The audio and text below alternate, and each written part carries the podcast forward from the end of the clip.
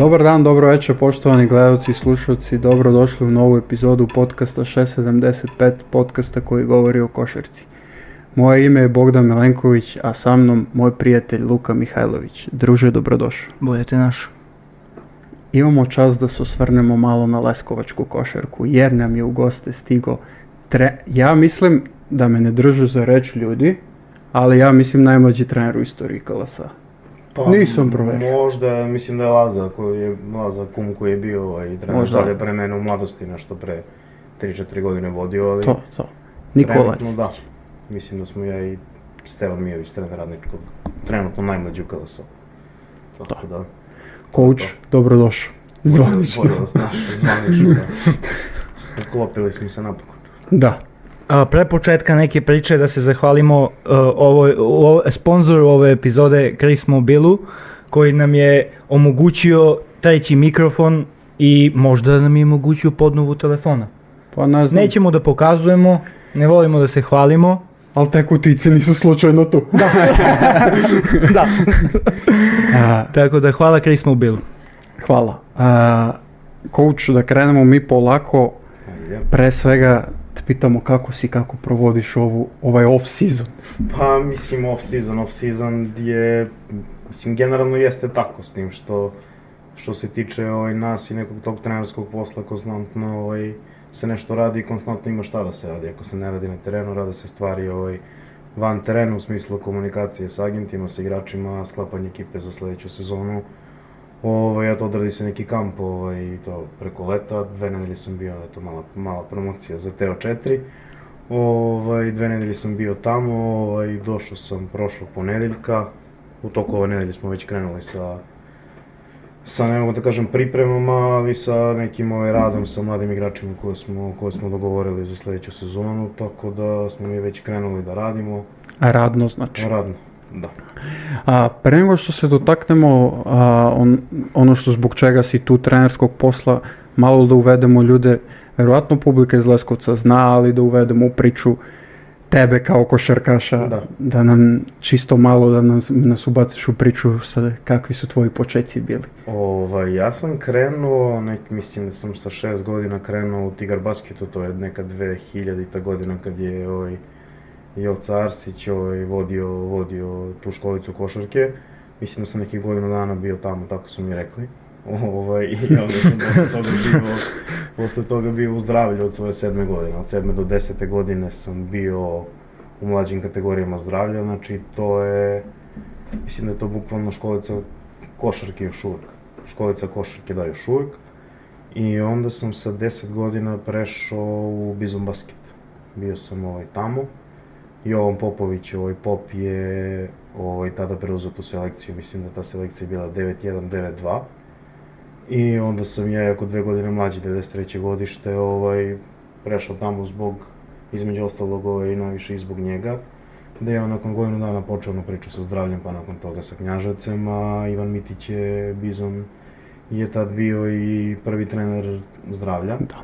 I ujedno je tu pomagao u, toj, u njegovoj školici ove košarke, gde je nakon odlaska Jovana on ostao tu i radio dve godine sa mnom i nakon toga je, znači kao mlađi pionir sam igrao u Bizon basketu i onda sam već kao pionir bio u FNP-u. Znači to je period neka 2005-6 godina, sa svojih 13 godina sam ovaj, otišao tamo i bio sve do, do 18. godine pred potpisivanjem prvog profesionalnog ugovora. Pre nego što počnemo za FMP, a, čisto malo da nam kažeš kako je raditi sa Ivanom Mitićem. Mislim, ja jesam radio, ali... Pa ja nisam imao, mislim ja nisam imao nikada nekih ovaj, problema sa njim, on je jednostavno ovaj, bio kakav je bio, zbog toga su ga svi voleli i pre svega poštovali jer se stvarno radilo na način na koji treba da se radi, da je on za kratko vreme pokazao neki kvalitet u radu, da je svake generacije ovaj, izbacio po jednog igrača koji je išao dalje u pionirskom uzrastu. Ovaj, Ica Jovanović i Jaca Marjanović su prvi u toj generaciji 8, 88. 8-8 ovaj, otišli Hemofarm, nakon toga je Radenković ovaj, otišao prvo u Sports World Novi Sad, nakon toga u Partizan i onda sam nakon, ja, na- nakon toga ja otišao u FNP. Ovo, ja sam imao stvarno divno iskustvo, to je čovjek koji se stvarno a, ponašao i obhodio kao otac toj djeci koji su bili u njegovoj školici košarke i mislim da je bukvalno iz toga, pogotovo u tom vremenu, rasla ta neka ljubav između dece, između njega. Mislim da se nije desilo nikada da ovaj, se jedno dete razboli, da ne dođe na trening, da se nakon toga ovaj, ne obavi poziv sa roditeljima ili da ne dođe kući da obiđe to dete, tako da mislim stvarno bilo ovaj zadovoljstvo, taj neki drugi deo koji je vezan za te anegdote i za sve to, to je jednostavno to je jednostavno on, da nije, Da, da, da. nije bio E, takav, ne bi, ne bi a bio to sam baš sad- Ne Teo- bi se ni sećali njega. Da, da, da. To sam sad baš teo da te pitam, da li misliš da bi te neke metode njegove uspele sad? Da li misliš da bi to možda sad, jer sad je jako da kažem specifično neko vreme, malo se drugačije radi i s mlađim generacijama i sve. Pa realno mislim da nije izvodljivo zato što uopšte ne bi bilo prostora za tako nešto. Jednostavno danas baviti se školicom košarke podrazumeva da se, da se jednostavno živi i prihoduje od ovih članarina, gde je ovaj, puno školica košarke. Tada u tom trenutku mislim da je bilo ovaj, zdravlje radilo ovaj, ozbiljno sa, sa mlađim kategorijama i sa školicom košarke, on je bio tu, ovaj Bizon Basket i mislim da je playoff tada Mislim da je i Bočica je radila tada. Da, moguće i Čaza, ja A ne, Čaza je bio bi- ko- kod Bizona. Kod Bizona, da, da, e, da. Možda te godine 5. 6. se nešto odvojio, ali to što se odvojio to je bilo sporo, pričam da neko jezgor kvaliteta bilo koncentrisano na zdravlje i na. Bizon basket pre svega. Jeste, jeste. I mislim da je playoff tada bio u nekom u nekom početku, možda to bila Da. prva druga godina, ta Definitivno. 9-1 generacija sa, ne znam, sa Micetom, Ivan Mitrović i, i ovaj, Ivan Đorđević i ta neka Aha, da, da, da, oni su tamo Mislim da, zato što smo mi bili, ja sam kažem, ta 9-1. Ovaj, ta sezona moja prva koju sam pričao. I ovaj, mislim da nije, realno nije izvodljivo tako nešto, zato što su deca ovaj, jako osetljiva pre svega trenutno, to kažem i mislim i za mladi igrače koji su i kod mene u ekipi koji imaju 18, 19, 20 godina, jednostavno je društvo ovaj, u kojem živimo trenutno tako da se jednostavno ovaj, svaka kritika koji nije kritika nego neki ovaj, dobronamerni savet koji se možda kaže ovaj, malo oštrije shvata veoma tragično kao neka vrsta kritike se Da, da, da, da, ne žele niti da, Definitivno. ne, ne, da ne žele da se suoči nego uopšte ne žele da je prihvati na neki normalan način i da je vidi kao neku vrstu saveta iz koje može i saveta iz kojeg može da se da se nešto nauči. Da, definitivno drugo vreme. razloga- Drugo vreme. iz tog razloga se dešava da ok, ti ćeš to reći nešto detetu, radit ćeš to što si uradio, dete će sutra dan promeniti školicu košarke, nema nikakve ispisnice, nema ničega. To. Ne igra dete, nema minute, promenit će školicu, otići u drugu, školica ima ovaj, dovoljno i na taj način se jednostavno i taj neki kvalitet i taj neki odnos ovaj poremetio jer jednostavno sve, sve vuče jedno drugo. Sve je povezano, mislim možemo i o tome da pričamo, sve nekako ide, ide, ide jedno sa drugim. Kad se to kroz generacije, kroz godine tako radi, zašto bi to sa 18, Da. 19 ili 20 godina u nekoj seniorskoj košarci bilo drugačije u odnosu na ono što Da. neko radio sa 12, 13, 15. Da. Da, e, ali sad s druge strane možda a, jednostavno je to a, jedna stvar koja se znala da se to kod njega ovaj, radi, da je to kod njega normalno i da svako ko ovaj, dovede dete tu, otprilike već zna šta će biti sa detetom, kao što je to Beo Vuk imao neki slučajevi to sa, sa, sa Mišom malo ovaj, a, povezao, kao što Beo Vuk ima neki, neki taj kult u smislu svega toga, ovaj pre svega mislim na organizaciju i funkcionisanje kluba, tako je nešto imao i on. Sigurno Da, je da, on da. prvi taj koji tako neko dete ovaj, ne bi trpeo, nego bi mu rekao, ovaj, mene ne interesuje tvoja članarina, ovaj, nemoj sutra mi dolaziš da mi rušiš i kvariš nešto što ja ovde gradim, tako da su i deca bila kod njega i odlazila, neka nisu tela da dođe, recimo Teša nije teo da dođe kod njega Da. zbog toga. Da, da. Ovaj Teša nije teo zbog toga, jednostavno ne želim i to je to. Ali eto, mislim da trenutno baš nije izvodljivo, pogotovo u, u mlađim kategorijama negde. Kod nas. Jasno. A, lepo si to rekao, ja sam, za moj primjer da se uhvatim, moj otac je tačno znao gde me, gde me vodi, gde me trenira, znao je kakav je trener. Znači nikad, nikada nije, a, nije mislio da će nešto drugačije da bude, nego kad me upisao Da, to ti je da. to i, i to je. Pa Ali, tako. Ali sjajno iskustvo Mislim, sa definitivno. druge je. strane, sa druge strane ima, mislim, koliko mi možemo da, da neki ljudi kritikuju vezano to za, za roditelje i za forsiranje dece i za ulaganje neko i neka nerealna očekivanja, sa druge strane su i ovaj, gro neke dece i gro nekih igrača postali kvalitetniji, uradili nešto zbog te podrške, enormne podrške roditelja koji su imali, tako da ima Da, primjera koji da, su, ima- ima i dosta samo primjera. primjera koji su, ne znam, roditelji na neki način sputali svoje dete, da kažem, upropastili daleko od toga, ali sputali neki možda svojim ambicijama, dok sa druge strane je Ovo imamo i drugih primjera, Vramović Aleksa je prvi primjer toga da je imao neverovatnu podršku ovaj, svog oca koji je verovao u njega i koji je sve radio da Da, u tome čak- da on dobije šansu koju Jest. je ovaj, dobio u OKH Beogradu na kratko, Jest. nakon toga u Čačku. I evo sad je ovaj dečko Da. reprezentativac, pričamo o tome, a nisu to, ni, Da, Aleksa ne pričamo koji- o nekoj finansijskoj podršci, nego ovaj, pre svega mislim Jest. na nekom odnosu i na neko vaspitanje odrasta. Aleksa koji nije bio ni u, ni u jednoj, ja mislim, ni pionirska, kadetska, ni juniorska reprezentacija, nigde nije on imao poziv nikad, a- kasnije je za, za svojom generacijom, ali opet je, što kažeš, vera roditelja u on je kasnije njega. fizički, to je jedini Pa problem to. koji on ima. Da, da, on je baš bio malo. Kažem, zbog tog perioda u FNP od nekih 87. godišta do 95. generalno, mislim da znam sve igrače, da nema šanse da nekog ne znam jer jednostavno sam živio sa njima, gledao utakmice, ovaj, trenirao, Da. igrao.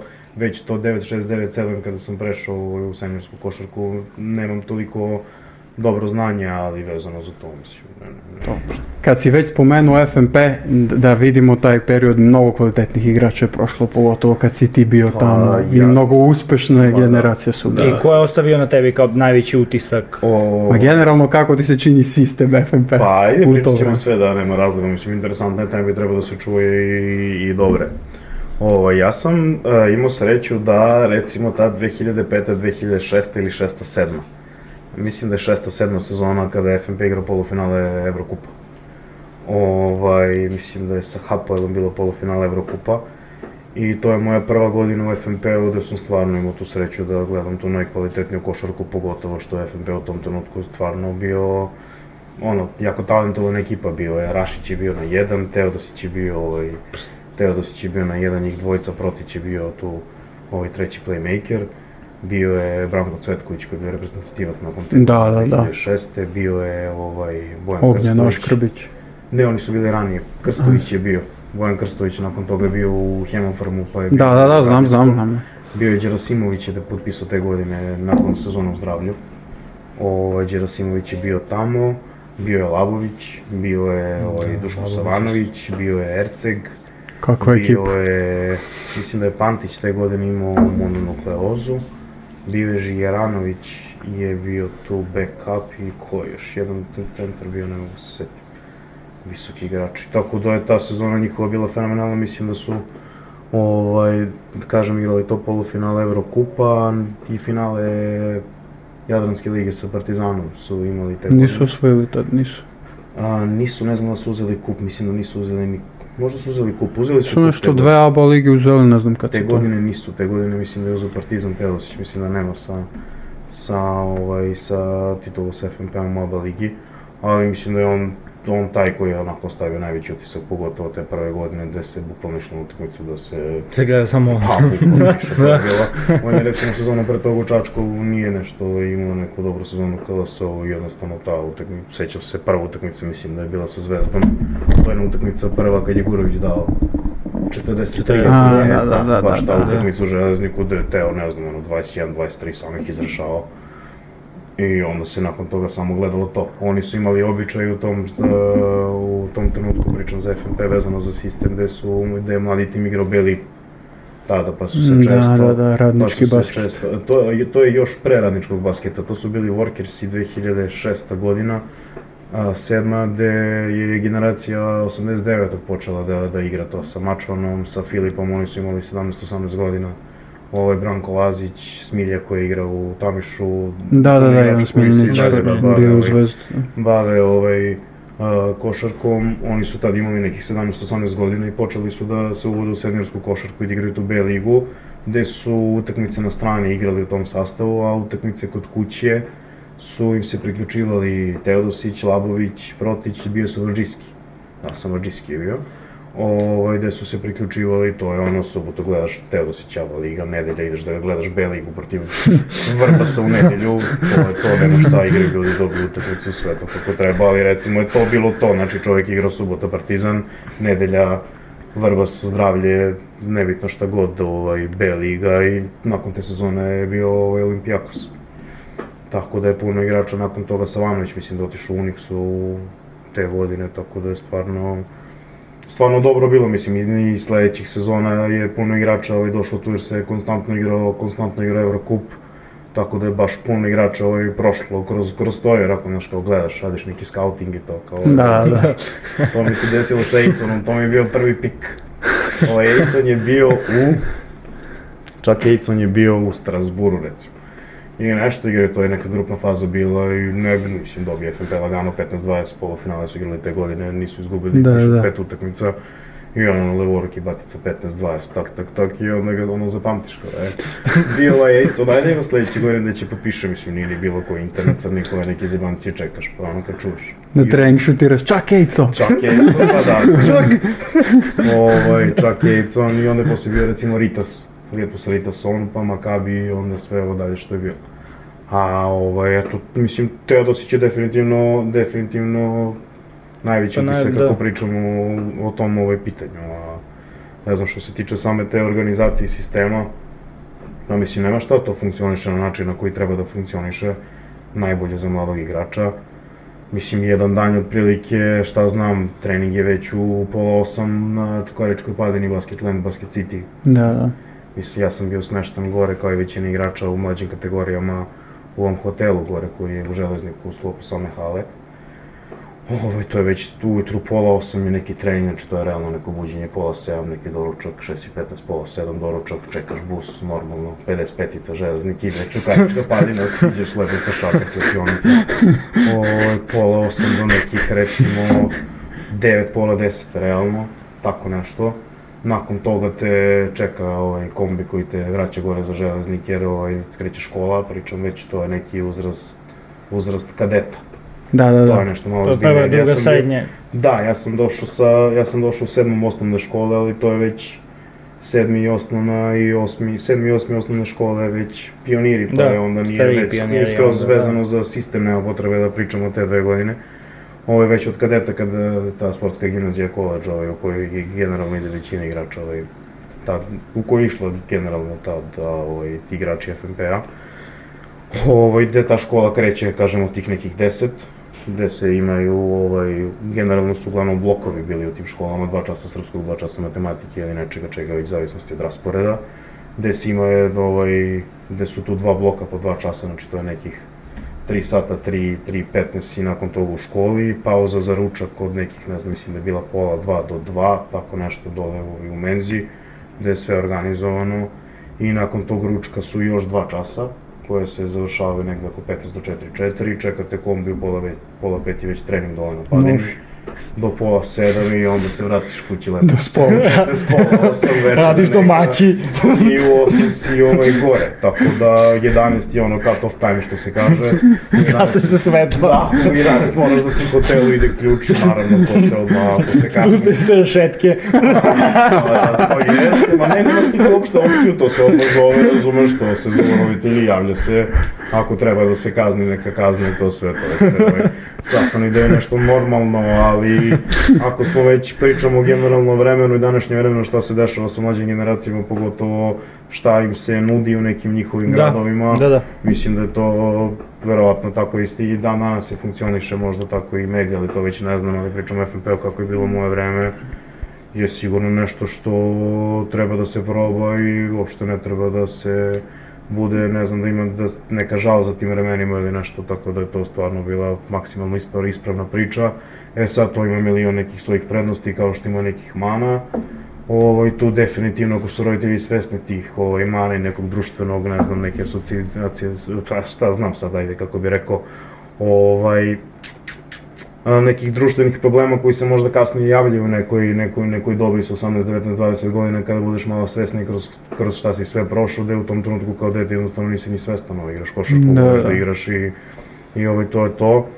Ovaj, da u, u tom nekom delu, koliko roditelji mogu taj neki deo da prati i da daju savete i ovaj, podrže decu, mislim da to je win-win za svakog. Jeste si, Da, definitivno. Koliko Moj je tih FNP je dobio mnogo. Na kraju, a da, da. Sve u svemu FNP je dobio mnogo od tim. Da. Pa jest, Da. ja mislim jednostavno je to tako ideš, znao se zašto se znaš, zašto ideš. Da, znaš. Da.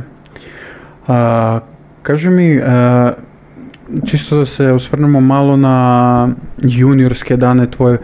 Je- ja sam imao priliku da igram protiv tebe, bio, i ja sam bio u zdravlju juniorska liga, ti si igrao za slogu. Da, Baš sam pričao o Luki koliko je fascinantno bilo, sam si igrao za slogu.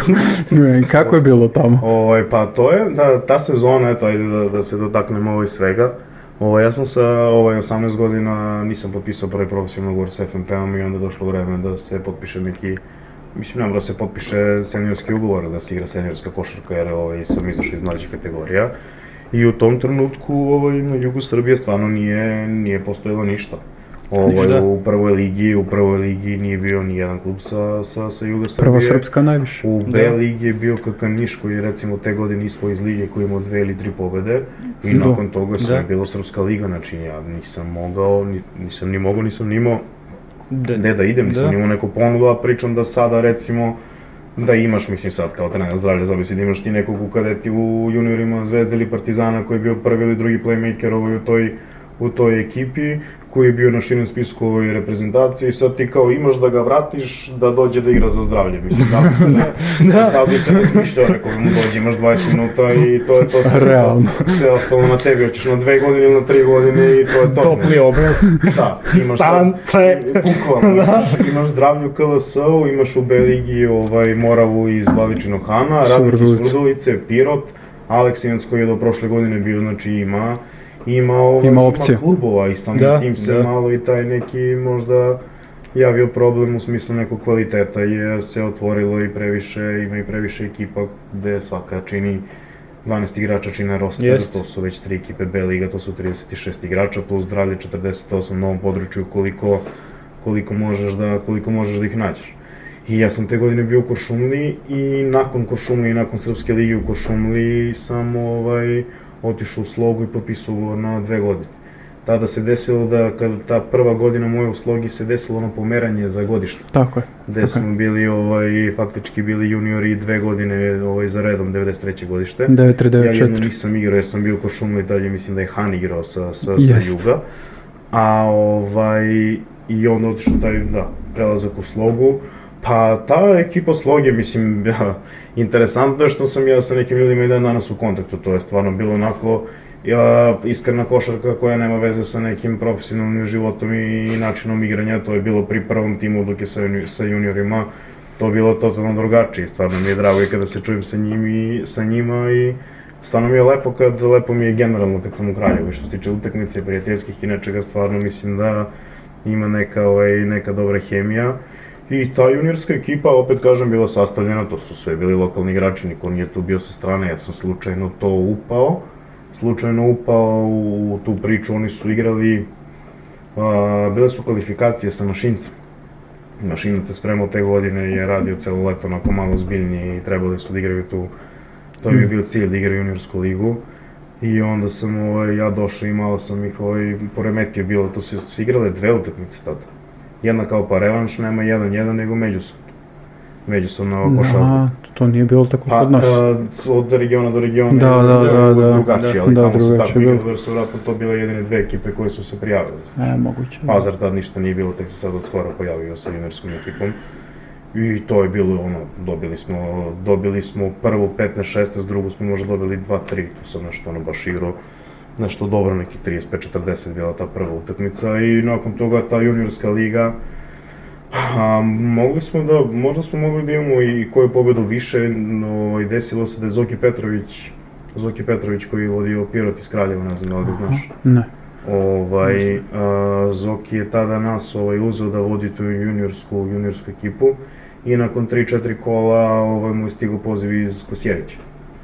I onda je ovaj, otišao za Kosjerić, onda je ne znam baš neki ovaj, drugi trener koji je to vodio i onda je već tu bilo onako malo sve ovaj, drugačije. Ali za mene stvarno bilo super, mislim imao sam ovaj, osjećao sam se dominantno, jebi ga, Da, da. to u tom Da. bio, bio Pa, ovaj, dobar. i- Imao je, sećam se neki centar je bio dobar i ti. Pa da, nešto tako. Da. Uvijek ima nešto. Neki Bili baš krupan lik je bio Bili su, mako, solidna ekipa je bila to, bila je fina, fina, Da. fina ekipica, tako da i ta juniorska liga bila, bila nešto lepo da se igra. Ja pamtim to zato što a, ka, kad smo igrali u Leskovcu, mi smo vas dobili, Da, a moj čale je bio u fazonu, dolazimo kući i kaže mi, "Ma, Beli, nešto si se, ne znam da li si se kačio s trenerom, ali izvadite čovek Da. 5 minuta pred kraja i ne, ne vrati tu igru i kaže, a Beli da je ostao, ne biste dobili sigurno. Rekao, pa jeste, ali to je sad. Da, tamo je bilo dobro, znam, tamo je bilo bitno ono da dobijemo, znaš, kao izgubili smo Laskovce, još si ono klinac, složiš se, pališ se, Da. da. dan danas. I onda smo to dobili. A. Kaži nam malo za eto seniorske dane. Ti si u Konstantinu, je bilo jaka interesantna ekipa, dosta tu nekih igrača, jedan od njih Strahinja Stojačić koji je sad najbolji, najbolji naš Danijelo basketaš. Tasić. Da, isto Da, Danilo da. Tasić. Kaži Jako mi, dobra ekipa. Taj neki prelaz u seniore, kako ti je, kako ti je bio i Pa, sve. to je bila ta, to, to su mu bile te dve godine ovaj, moje u Slogi iz Kraljeva, gde sam nakon toga ovaj, otišao u Konstantin, jer se Konstantin te godine sa iz B lige je ušao ovaj, u KLS, Boško Đokić je tada došao, Marko Cvetković je bio pomoćni trener, a, Nemzi je igrao te godine. Ovaj. Da, da, da, kao onog. Duška Radovića kad su ušli. Da, Da, mislim da je ta godina bila da su oni sa Jocom Antonićem ušli u ligu, mislim da je tako bilo, i mislim da je Vlada Veličković bio. Naravno, Kemča Furita pri... ta da, oni su tu uvek. Ovaj, da, Jović je bio sa mnom ovaj, u Kraljevu, pa je nakon toga ovaj, išao, ovaj, otišao u Radnički. A onda je bila ta sezona u Konstantinu gde je Marko, ovaj, Marko Cvetković bingo, to je bila prva seniorska prva seniorska sezona sa pre, relativno generalno da mladom ekipom koja nije bila mlada nešto, ovaj, nešto previše. Nendi Đurđević je bio tu na jedan, on je posle toga igrao u Kruševcu i u Aleksinicu Beligu, možda ste ga, možda ste ga nešto malo ovaj, kačili. Ovaj, ja sam bio tu na jedan i Strahinje je bio, Strahinje je bio tu ovaj prvi playmaker. Tu je bio Barać koji isto igra sa njima sada ovaj 3x3. Jeste, jeste, zaboravio sam. Furi isto tu, Peca Despotović te godine, Da, Danilo da. Tasić, Bio Kepčar, je naravno. Stefan Savić, ako se ne... On je kasnije, znači on je sledeće godine došao, kad sam ja otišao, sledeće Aha, on godine je kad je došao Vlada Veličković, kad se vratio iz Slovačke, on je on je Guđa, onda se, onda je i Savić, ovaj, Savić došao. Tako da, pa mislim sa Strahinjom ništa toga nije iznenađujuće što je on trenutno najbolji basketaš na svetu. Mislim da ovaj, svi mi ranije i što se tiče 5 na 5 smo znali kakav je kakav potencijal ovaj, on ima i da je sve, on se svodi na to da li on to hoće i da li neće i koliko je spreman da, da se posveti ovaj, tome. Sigurno da je ovaj, kada je krenuo taj 3x3, kada je vidio čemu se to radi u smislu da ima mogućnosti da igra i da dobro zarađuju sve to, da je moj sigurno veći fokus na, na treningu, radu, telu, sve to su Da. došli godine, porodica, ovaj, deca, tako da je jednostavno shvatio da treba da bude ovaj, maksimalno fokusirano što ne sumnjam uopšte i rezultati su došli. Sigurno sa da. tim ovaj, sa tim nekim stavom i što se tiče 5 na 5, možda ne znam, ne bi bio NBA, ali sigurno da bi imao jednu jednu ozbiljnu, ovaj, ozbiljnu karijeru, da to je, ajde sad da ne pričam bez veze, ali Evrokup neki nešto, mislim, što Da, da ne pa s Da, obzirom da. na fizikalije Pa, koje je da, iza- ima- Egzom je aktualan, samo još 10 kila i... Da, da. Mislim, to je to, znaš. Mislim, ruke to do to. poda. Pa da, ako ti, ako ti stavi, ako ti stavi, no, dve, tri trojke, mislim, nema šta, nema kako ga čuvaš. Da, Tako je. da. Realno, Nešto da. ispod pa kao ono, ali ako ti stavi, šta mislim.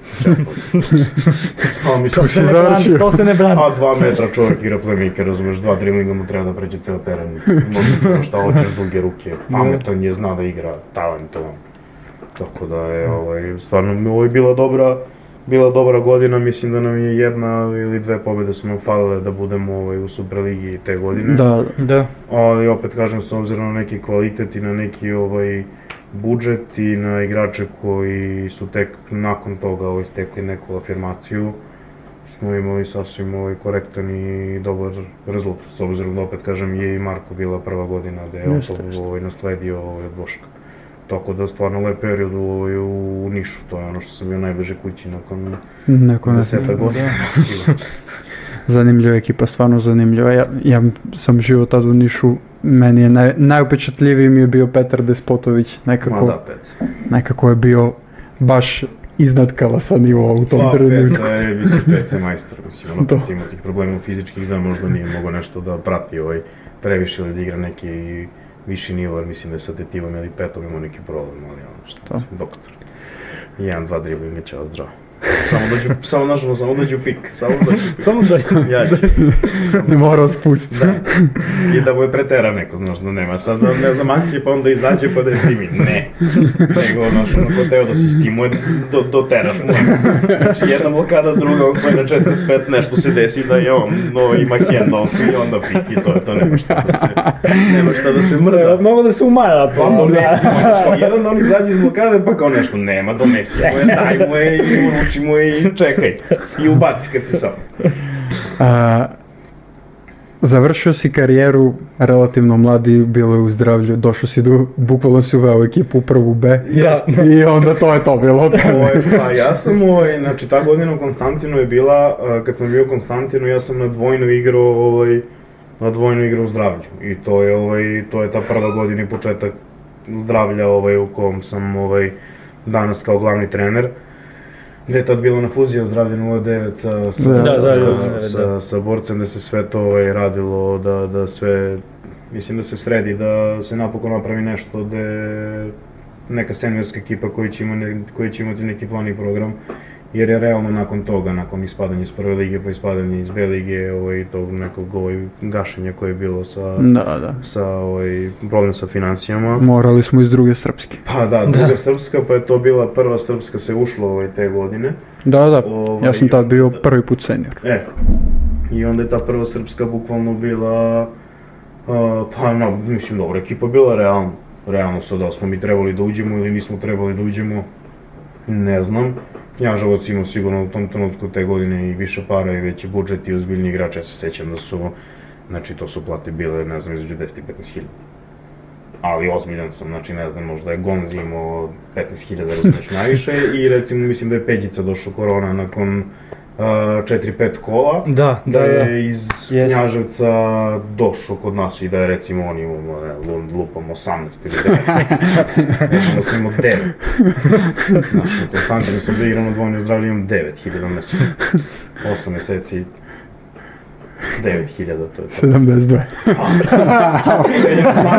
Podeljeno 12, 12, 12 meseci. Da. Ovaj, Lep život. Ima za gorivo. Ima za gorivo do Niša, ovaj, za putarinu da ne mora starim putem da si. ovaj, a, a, pa dobra ekipa bila bre, stvarno bilo Jeste, dobro, jeste, baš interesantno za gledanje, Laza baš. Kocić je bio, Laza Kocić je bio tu na jedan, Peđica je došao ovaj na jedan. Ja sam bio tu na dvojno i s tim što sam neki, mislim, ono, kod kuće sam igrao sve, ali ovaj, u gostima su me gađali, pa možda baš nisam i mogao sve utakmice da igram. Ovaj Kosta je bio tu, Šiks. Kosta je bio tu, Šiks je bio tu, uh, Žuć je bio tu, Moralo je. Žuć je bio tu, Tombe. Je bio tu, Tomica je bio Tomica. tu, uh, ne znam da li je Aca bio, Ne. Ne znam da A. Mislim da on posle bio, ja mislim. ne, bio je s nama Ako nešto nije- pre toga, smo igrali prvu srpsku zdravlje 09.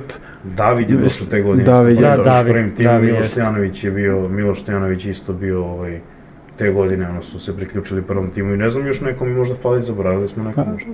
Sve su. svemu je bila ta godina gdje smo ušli, to je bilo na kraju onako što razlika. Da, Da, da. 60 razlike, 70, tako da li nam nešto internacionalno. Ali eto, to Nećeš o tome. Nećemo, nema, hoćeš to, to je, mislim, to je stvarno interesantna stvar koja se i dan danas generalno svodi na sport i na taj neki mentalni deo, da je to nešto jednostavno neverovatno i da to ljudima koji nisu ovi u sportu je stvarno teško objasniti da oni mogu da razumiju šta se dešava sa tim mentalnim stvarima. Sad pričamo, ovaj, mi smo recimo te godine imali sreću da smo mi poslednje tri, poslednje tri utakmice igrali sa a, poslednje tri ekipe na tabeli. E sad, vi znate Da. šta znači tri kola pre kraja, prva srpska, poslednje Ne, tri ne, ekipe. da, da, da. Šta to znači? Popis. I, da, ili ovi koji znaju da ispadaju iz Srpske lige, šta se tamo događa, to je recimo u tom trenutku bio Zajčar koji je bio sa decom i Ćela i igrao samo To, da, bukvalno da. šest igrača samo dolaze. da, za, Da. samo da završe, ovaj, samo da završe sezonu druga Srpska i ovaj, to je to. A mi smo imali tu utakmicu u Nišu gde smo izgubili 11 razlike u Nišu, trebalo nam je pobeda više od 11. I ja tu izdribam na 11 razlike. Ovaj, mislio sam naš, ovaj, vodimo 11, dali smo više poena, Jel, ovaj, se to, dali da, smo više sećam se poena u to. gostima, to je to bolji međusobni i to je to, razumiješ. I ja izdriblam to je neka konfuzija, to je neka ono, crna rupa, nešto gledaš vreme, ništa ti nije jasno, kao to je to. I ovaj, završi se 11-11 i onda se sve dođe do toga da ko školičnik odlučuje šta će da... Ko će da ode? Da. Knjaževac imao tu, mislim, šansu dobro, pa su nešto izgubili u Surdulici, izgubili su ovde u Leskovcu, smo ih pobedili na produžetku. Da, da. I to smo nešto gubili 15. polovreme, pa smo okrenuli i dobili. I sve u svemu se svelo to sa Krkanišem na Koškovića. I onda smo imali to, ne znam, 60, 70, 75, 80 razlike. I sad kažem to da ti imaš ekipu realno prva, prva srpska, koji treba koji je svaki koš bitan i koji ima Da. 10 igrača u rotaciji koji je dalje u punom treningu bez obzira što je mart i april Dragan Arsić je bio trener kod njega su ovaj, tu. radilo i to ništa nije bilo ovaj, ništa nije bilo upitno još su bili to kažem takvi igrači koji recimo Kosta uh, Peđica, ja, koji ono vole da Vole da čačkaju rade. lopte. Da, Pa ne, nego da. vole da čačkaju lopte, vole u odbranici to znaš da priđu pa kao neki zonski. Pogotovo nešto- Kosta. To, ali jeste, pa ti tu kao nešto čitaš zonski, ovo ono, Tomica isto, Dug, Šiks isto, bili su generalno, je bila a, inteligentna ekipa, generalno su Jeste. svi ovaj, Školovani, svi školovani školovani, i da. talentovani i to je sve to što je nastalo iz Bizon basketa da je i zdravlje radilo Da. na način na koji treba da radi zato što je Bizon basket konstantno bila ta ovaj, konkurencija i jednostavno je to bilo dobro da su se ovaj treneri i klubovi međusobno gurali i samim tim se radilo kvalitetnije i igrači su igrači su izlazili. Da, mnogo više. mnogo I više ovaj mentalni deo, znači nama recimo treba 63 razlike pobjeda protiv Zaječara. U tom trenutku kad se završila utakmica KK Niša protiv Medveđe koji su dobili, ne znam, 57, 8, ne. I sad šta je psiha? Ti cele utakmice imaš ono 2, 4, 6, 8, 10, 30, 40, konstantno rezultat ide gore, ti stiskaš zonski, daješ koševe, ono, deca, razumeš, 50 razlike, ovaj te kao stiskaš, šta ne stiskaš, razumeš, 50 razlike. I ovaj, Ovaj, I desi se to da se, znači, završila utakmica koju su igrali Niš i, i, i ovaj, Jablanica. I u tom trenutku je bilo kod nas možda 2,5-3 minuta do kraja utakmice. I mi treba da dobijemo više od 63, mi u tom trenutku vodimo 67. I kreće panika. I kreće panika, znači panika kreće. Ne može da niko koš, svi su odjednom ovaj, stisli, četiri trojke sami, ljudi promašuju, ja jedno, Šiks jedno, Kosta jedno, Peljica jedno, svi po jedno. I ovaj vrhunac priče, znači to u jednom trenutku padne na 61, 62 Au. to stvarno postane ovaj, problematično. O, ovaj, I mislim da je čak dalje, da, i Žuća mislim da je ušao da šutne bacanje tu utakmicu, da je to bio Knjaževac. Mislim da je bio Knjaževac, da je čovjek bukvalno bio 39 minuta i 55 sekundi na kupi. 5 sekundi do kraja je bilo možda dva razlike za Knjaževac, oni su u bonusu, time out. Dragana crta se dobije Žuća dole lopti, on uđe svirno mu faul i da dva bacanja uđe u. A 10 sekundi pre toga na Gritska se menjki gleda. Nije uopšte u planu da... I ovaj, neverovatno. I recimo, to je bilo Kosta krade loptu, naravno. Na prednju promenu nekom, da. Da, da, bukvalno nešto Tu nije ni teo da si čega. mogao da prođe. Da, i, ovaj, i Kosta uzima loptu, baca Peđici ovaj, preko celog kontru i Peđica ovaj, desna levo, ovaj klinac ga otkida, sudija svira nesportsku, dva, dajemo koš, dva ba, imamo još dva bacanja, tad još dva bacanja bilo ovaj pravilo, naša lopta 10 sekundi do kraja, ćao zdravo. I Tomica su u tom trenutku penje na klupu gostujuće ekipe. Znači, pun sprint gore i tapi šipka i kreće da slavi. I sudija gleda, ne zna šta će i tehnička. Nema dva bacanja, znači oni imaju bacanje lopte za njih. I, i, ovaj, i dva bacanja to, znači to neki 64-65. Oni imaju dva bacanja, šta je sad bilo, da li su dali, da li ne, nebitno, radi se o tome da oni imaju napad ako daju trojku, mi nismo ušli. Ima Da. 3 sekunde do kraja, ako daju trojku nismo ušli, ako branimo, ušli smo u ligu. I ovaj Nolan Smith je zveknuo ovaj dan pre toga. Znači mi smo igrali u subotu u petak, mislim da je bio Nolan Smith. Samo ne opet. Nolan Smith je bio i sad ovaj playmakerčić tu, ovaj, ovaj, ne znam ko je bio, prima loptu i sad dribling preko mene, bukvalno s 10 metri ti se okrećeš i gledaš i ono ide, vidiš da ne bi trebalo... A ide celu večnost ide. Vidiš da ne bi trebalo da uđeš, ti kaže Nolan Smith je bio ovaj dan pre toga i on udario tablu i onda je to bila ovaj radost. I onda je bio taj ulazak u B ligu, koji je te godine stvarno bio dobar. To je ona prva godina B lige. Da, tad su se vraćali svi živo. Da, Jeste. ovaj, tad sam ovaj, ovaj, završili čak 6. i 7. u Belgiji, to je ono prva godina kad je sve bilo malo onako neki hype koji je krenuo ovaj, u gradu. I publika je se vratila. jeste. Da, sa nekim, pa to je prvi sportski, prvo sportski klub koji je nakon nekog perioda malo dužeg, Bio. ovaj, 2007-2008 godine nešto, Se vraća ovaj, u neku nešto ozbiljnu, uradio da. još u savezni rang. Da. Rukomet isto da mislim da je igrao Nije, nije, da, treću još. ligu ili tako nešto i tu su bili sve Leskovčani, samo je bio Nikola Stanojević ovaj, iz Niša. Da, ništa Da, je, da, da. Ovo sve ostalo je bilo naše i mi smo tu godinu 6. i 7. Ovaj, završili. Sledeće godine smo trebali da uđemo kad se vratio Mige i kad se vratio Sani i kad je došao Marajević i to. Međutim, bile su te turbulencije u klubu što se već sve izdešavalo unutar ovaj kluba gde su promenili upravu koja je to napravila taj uspeh ulazak u ligu i sve to. Naravno, kako to obično biva nakon te smene, te uprave i cele te sezone, ovaj, se ispalo iz ligi, ovaj, naravno. I onda se opet vratila ta Srpska liga, nakon toga sam bio, ne znam, sam bio Pirot jedna godina. A da, Da, bio da. si. Pirotu, da. Pirot, Bio ovaj, nakon toga Kolubara i onda sam ovaj, se vratio zdrav. Vratio sam se kad je Marko Dimitrijević kad je došao. On je Da, da, da, da. njegova prva godina, da. A, dobro, a, da se, da krenemo na ono što nas najviše zanima, to je ti kao trener. A, pre svega da, da te pitamo trenerski posao, da li te od uvek privlačio? Pa... Obično kod playmakera budu te... Pa mislim da jeste, budu te- znaš, mislim da povezivanja. jeste. Mislim da sam uvek ovaj, i dok sam igrao malo drugačije to gledao i da sam razumeo na način na koji ovaj, mislim da treba da se, da se razume košarka, sad ja sam to nesvesno neke stvari krenuo da radim, da radim vrlo mlad, znaš, sad se, ti vraćaš film pa se setiš kao ti kao, ne znam, pionir kadet, znaš, kao neki napad na zonu si nešto kao znao, neko opterećenje, nešto, postaviš igrače sa igrače, znaš, što sad je ovaj, i sa seniorima jako teško da, da ovaj, prihvati u svoje sve to. Ovaj, sa recimo 18 godina sam u, ovaj, u Kraljevu ovaj, radio scouting.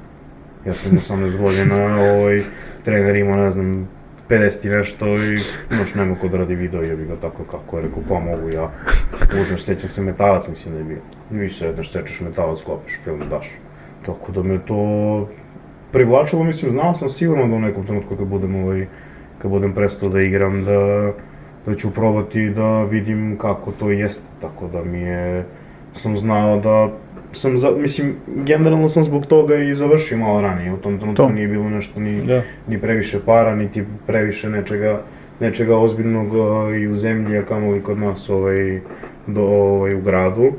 I onda sam se jednostavno odlučio da što smatrao sam da što pre krenem bit će mi lakše u smislu prva sezona kao trener moraš da imaš i moraš da imaš, da li ćeš da imaš Da. sa 30 godina ili sa 40 prva je prva u Doći. smislu nekog osjećaja i nekih stvari i nekog uvida u nešto iz iz prvog lica koliko god gledaš nešto sa strane i koliko ti se čini kada si unutra i kada ti trebaš da doneseš odluku i kada je ovaj pritisak i adrenalin ovaj tu ovaj, je malo drugačije, ali da, mislim, da, zn- znao sam da želim da se bavim time i to je ta godina kad je Marko Dimitrijević, ovaj sadašnji trener Slovenije, Da. koji je evo sad na ovaj, u stručnom štabu reprezentacije do 18 godina koja je danas u igra prvenstvo u Nišu. Da, da. Ovaj, kada je on došao, to je, ja sam tu kao ovaj, igrao, ali sam već bio ono pre kraja, igrao sam nekih 5 minuta, 10 minuta, nije mi to nešto ni previše interesovalo u smislu nekog treninga, pripremi svega toga, pa sam više radio tu sa njim kao neki pomoćni trener, iako sam ovaj, se zvanično vodio kao igrač, što je bilo i sledeće godine slučaj kad je Lazo Spasić kad došao, je da. Ta Da, njegova da. prva godina, već drugi sam bio sam bio zvanično Zvanično pomoćni trener, tako da sam ja u suštini nekih tri i po godine bio pomoćni trener pre nego što sam ovaj, ove godine preuzeo ekipu, iako nije bio plan da ovaj, u, u toku sezone ovaj, ja to preuzivam, nego da se završi sezona, da sve to prođe kako treba i da onda možda potencijalno ove godine ovaj, mi klub ukaže, ukaže ovaj šansu, ali se desilo Malo to pre vremena, da. Da. desilo se pre vremena. Ovaj, bilo je, kažem opet neplanirano i ceo taj proces je bio interesantan koji uopšte nije bio, koji uopšte nije bio lak. Jer Da. je situacija bila prvi put ove godine nakon nek, ne znam, možda poslednjih 4-5 godina u klubu da je bilo malo nekih trzavica što se tiče i financije i toga da se malo ovaj, kasnilo da nije bilo dovoljno sredstava, da se desio ovaj rat i da se desila ova inflacija koja je Da, generalno da. Sve to ovaj, samo digla troškove za 20-30%, budžet je ostao isti, pre svega mislim na putovanja, na stanarine, na, na, na hranu, to je skočilo za sve su 20 porasle cene, da. Bukvalno, Da. a budžet je ovaj, ostao isti i a, žao mi je što, samo što eto ta ekipa koja je tu od početka januara ovo, igrala kada smo se i kompletirali jer smo mi ono u prvom delu bukvalno bili sa, sa 7-8 igrača, nakon toga su došli John Jordan, Noah i Sveta. Ovaj, da smo bili od početka, mislim da bi sve to bilo mnogo drugačije, da bi bilo još bolje, jer bi neku ovaj, priču mogli da, neku zajedničku priču gradimo od početka, jer je jako bilo teško sređivati i raditi neke, neke, neke stvari u toku same sezone, jer je KLS generalna liga koja traje kratko, nekih 7 meseci, koja je jako, jako intenzivna. Gde je to kad, kad se krene već treće kolo je vanredno kolo, vikend sreda vikend na nivou KLS je je ozbiljan problem sa fondom igrača koji nemaš. Da, Ne mogu ni da kažem da, da. imaš, realno da nemaš. Nama se ovaj, i onda neke stvari konkretne, neki rezovi, neke promene, sve to vuče određeni problem gde realno ti zamenu ne možeš da nađeš tako brzo. Yes. skineš Da. ugovor sa, sa Bogdanom, ali kad ćeš da nađeš ti drugu i tog drugog što nađeš kad on može da ti dođe. I koliko On treba- brzo mora da se uklopi i sve Ma, i da... I da, da se uklopi, da je najmanji problem da se on uklopi, da mu treba dva dana jer je genije. On treba da, znaš, ti treba da mu kupiš kartu, on treba da sedne na avion, treba da pogodi avion, treba da se ukrca. Nama je Noa dva leta propustio prošle godine, nama je treba da dođe 15. augusta, a on nam je došao 15. decembra. Došao. Šta da reći, nemaš opciju. Pričam da su i ti momci ni- ni- nisu uopšte igrali za, za neki preveliki, za preveliki novac, mislim to što je Noa igrao je stvarno, ovaj, stvarno smešno. Ovaj, ali jednostavno je tako i žao mi je što nismo bili od početka zajedno i što su možda sve te neke okolnosti kod svakog i privatno i u, i u životu dovele do toga da možda nismo imali još neku pobedu više i da smo lagani ovaj, opstali u ligi, Da, da, smo da. imali neki bolji rezultat, jer kao opet kažem, nekako je, nekako je sve prošle godine bilo od početka ne, neću da kažem loše, ali je ukazivalo na to da će biti teška godina i da neće biti uopšte lepa i ne mogu da kažem laka, ali lepa kao što je bila godina pre toga ovaj, naša prva u KLS-u. Tako da, mislim da eto samo ta žalost je za tim, ali na kraju sa druge strane smo mi taj neki naš cilj ostvarili i mislim da ne znam da smo još uvijek svesni cilja koji smo, koji smo ispunili time što smo ostali u ligi, zato što kažem sve te stvari koje su se dešavale, Da. mislim, bar do nekih neverovatnih stvari i nestećnih na koje jednostavno čovjek ne može da ima uticaj, ali nama su se desile ove godine sve što je moglo da nam se desi. Eto kažem to počevši od Noje, preko Jacoba Lamkina koji se ono samo spakovao bio u petak u nedelju igramo, u nedelju igramo protiv Pazara, čovjek se spakovao u petak i kaže ja zamerim. Tad je bilo ono sa TikTok i ono što je bilo sa ženom. Da, Da, incident, incident. Incidenti sa ženom kad je ona na TikToku ovaj, ovaj, napisala pet nekih negativnih stvari o Srbiji ili čemu već, ne znam. TikTok, I onda jako dobra društvena mreža. Odjeknulo javnost ovo i onda su krenuli da je ono bombarduju porukama, znači bukvalno Terajte bre ovoga. Ma njoj, njoj na Instagramu direktno su počeli DM, razumeš, njoj njemu... Piši mi u DM. ako ti se ne sviđa kući, šta si došlo ovo, ono, razumeš. I ona ode, brate. I ona ode, a ja, mi ostalo smo bez, Bez bez, centra, brate, nema ko. A u nedelju utakmica. Da, u petak sve super coach, ja moram da idem kao da se odmorim malo, pa idem februara za Australiju. Čujemo se. Čujemo se i eto reći da ode, ode on, nema ga čovjek, nema. I, fe, i tamo januara kad smo, mislim, a taj period, e, novembra, decembra kad smo mi te ovaj, utakmice protiv Slogi Metalca dobili kod kući Pazara su nam u suštini dale neku šansu da mi u drugom delu možemo još uvek da se da se borimo ovaj, za, za opstanak, jer smatram da smo jednu ili dve utakmice od tih izgubili, da ne bi mogli da napravimo dovoljan broj pobjeda na kraju, bez obzira kakav e, smo roster imali. Nama se desilo, kažem, znači mi smo to početkom aprila smo se kompletirali, mi smo u januaru imali pet utakmica u 15 dana. Da. Da. Da. Znači sa igračima, tri igrača koje su Noa je došao možda deset, da, mesec dana pre toga, ali John i, i Sveta. I šta se desi, to je ono kolo kad smo igrali ponedeljak protiv Metalca, to je bio 8. januar. Znači trebali smo da igramo petak ili subotu, ovaj, Božić, Badnje veče, sve to ne može da se igra, da bude ponedeljak, a kup nas je čekao u sredu protiv Vojvodine, to je bila ona utakmica za, Za, za ulazak, zvanično da, za za ulazak. da. za kup ove Radivoje Koreća. Mi smo u ponedeljak dobili tu utakmicu protiv Metalca koji je u tom trenutku bio ovaj, prva ekipa na tabeli. Jeste, jeste. Utakmicu si zakazao u ponedeljak umesto u petak, zato što su ti i John došli u sredu. Da. Pa onda kao razumeš da imaš dva, tri treninga više da se to nešto kao malo ovaj, uklopi da bi mogli da igramo.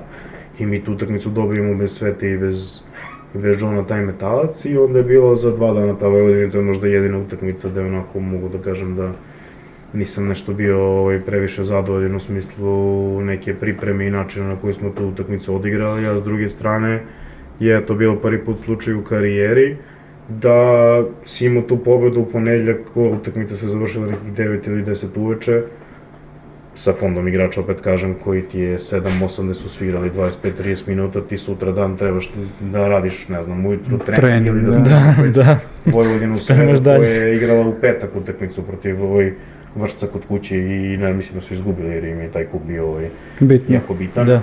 I jednostavno je to trening pred utakmicu gde samo nešto, mislim, prođeš ti, spremiš ti utakmicu, ali koliko to mogu da... Da, Da da. se da ne može prate tu, da. U tom nekoj, u toj nekoj situaciji gde si tu pobedu stvarno protiv metalca bila onako, onako neverovatna. I možda ta utakmica gde smo jedina u toku sezone bili onako, da mogu da kažem, bili nepripremljeni, da su na, da nas je Vojvodina nekim stvarima ovo iznenadila. Dok je već nakon, ne znam, dve, tri nedelje ta utakmica protiv Vojvodine u ligaškom delu bila totalno drugačija Da. sa, sa njim. Da. Nakon toga je bio, ne znam, Čačak, pa onda vanredno kolo, pa opet regularno kolo. Znači, 8., 11., 15., 18. i 21. sa igračima, znači ono, dva treninga za 20 dana. Sa tri NBA nova- ritam. Pa da, NBA ritam. ritam Jeste, sa, jeste, sa, sa tri nova igrača. Da. I tek nakon to, a onda se desi utakmica kup protiv Vojvodine, no i ode rame. Udarac i odem u rame. I no, a tri nedelje out.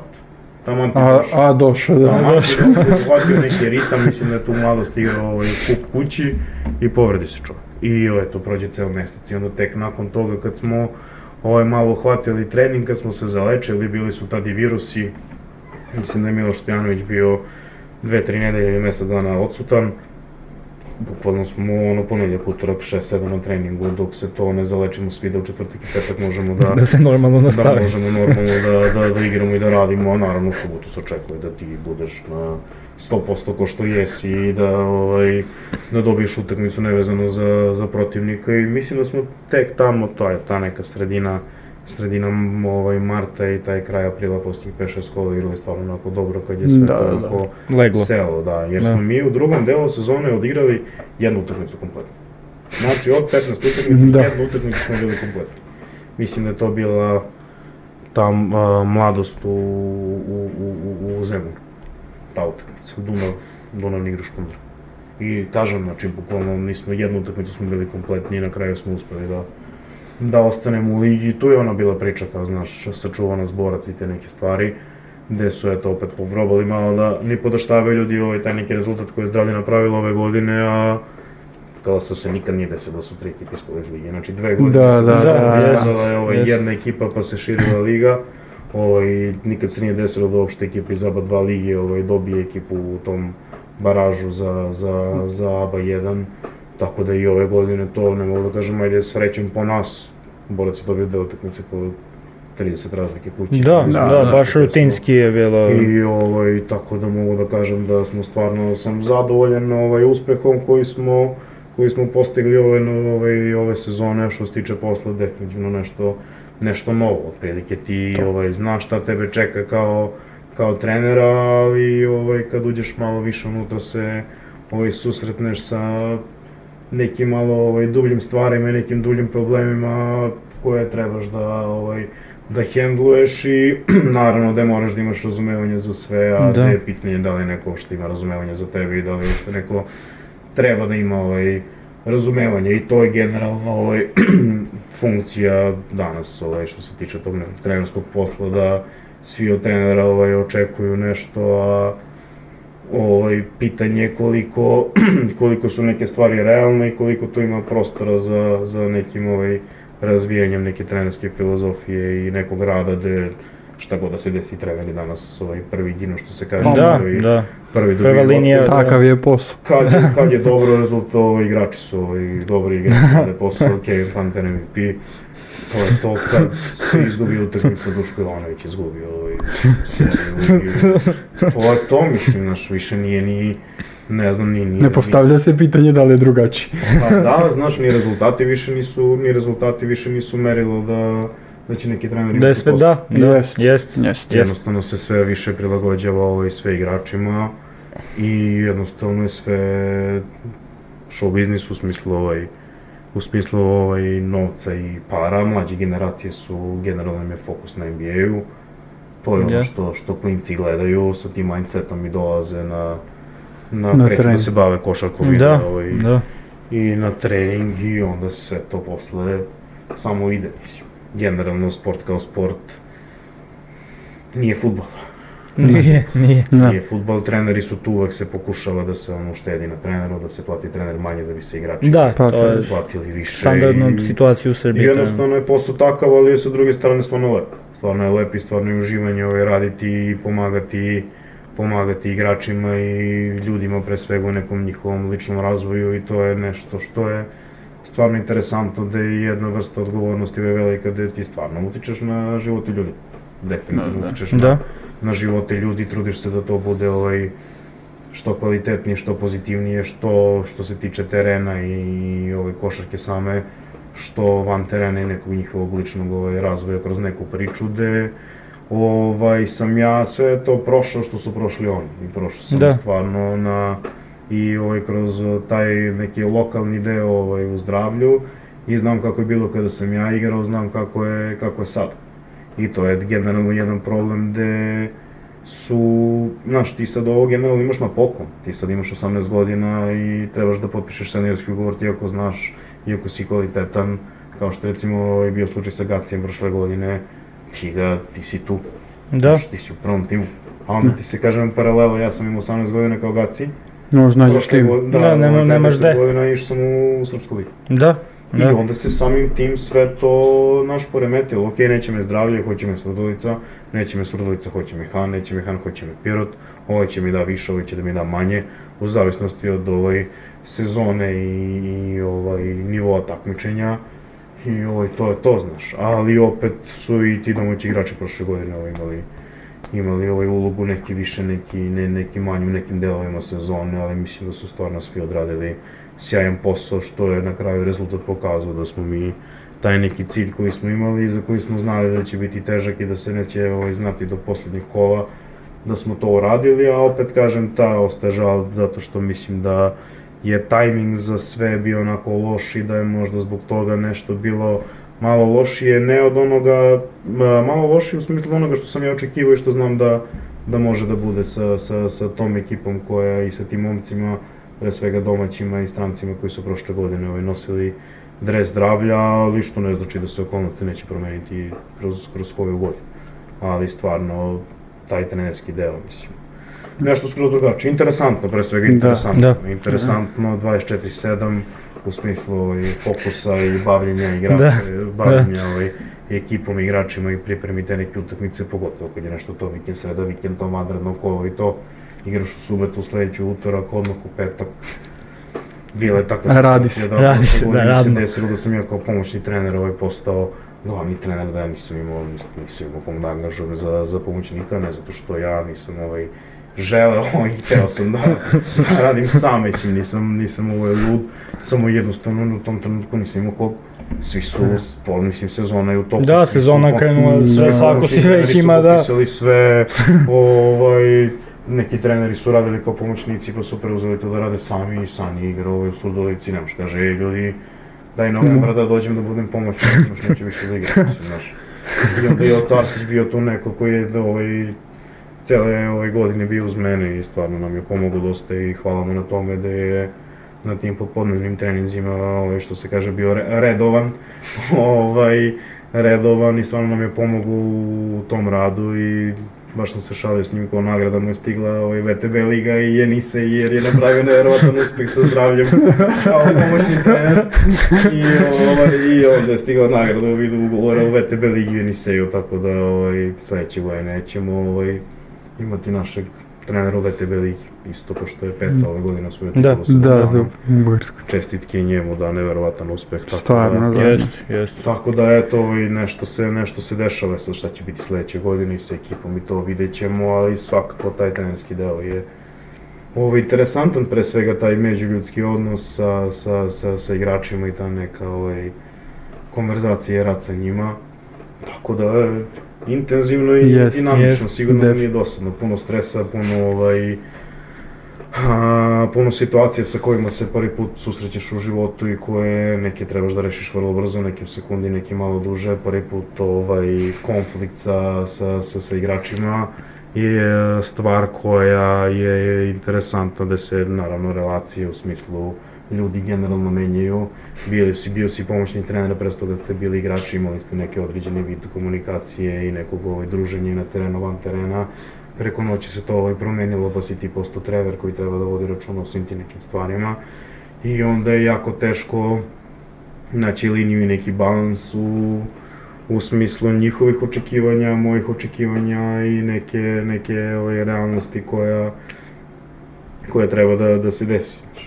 Svako, Da. svako gleda nešto drugačije, svako drugačije to vidi, svako ovaj, drugačije doživljava neku, neku istu situaciju i onda je prirodno da, da neko ovaj, bude nezadovoljan kao što je sigurno i bilo kod nas to ove godine, ali Eto, bukvalno se na to svodi trenerski posao, trenutno najviše mislim na, te, na, na, na taj neki međuljudski odnos i na tu neku komunikaciju sa igračima koju trebaš da stvoriš kroz taj neki ovaj pripremni period i da imate neku dobru atmosferu i dobru hemiju, neku, neku stvarno želju za, za radom i da kroz taj rad i tu hemiju ovaj, se to prenese na, na, na utakmice i da se kroz pobede koje same po sebi prirodno prave najbolju atmosferu Da.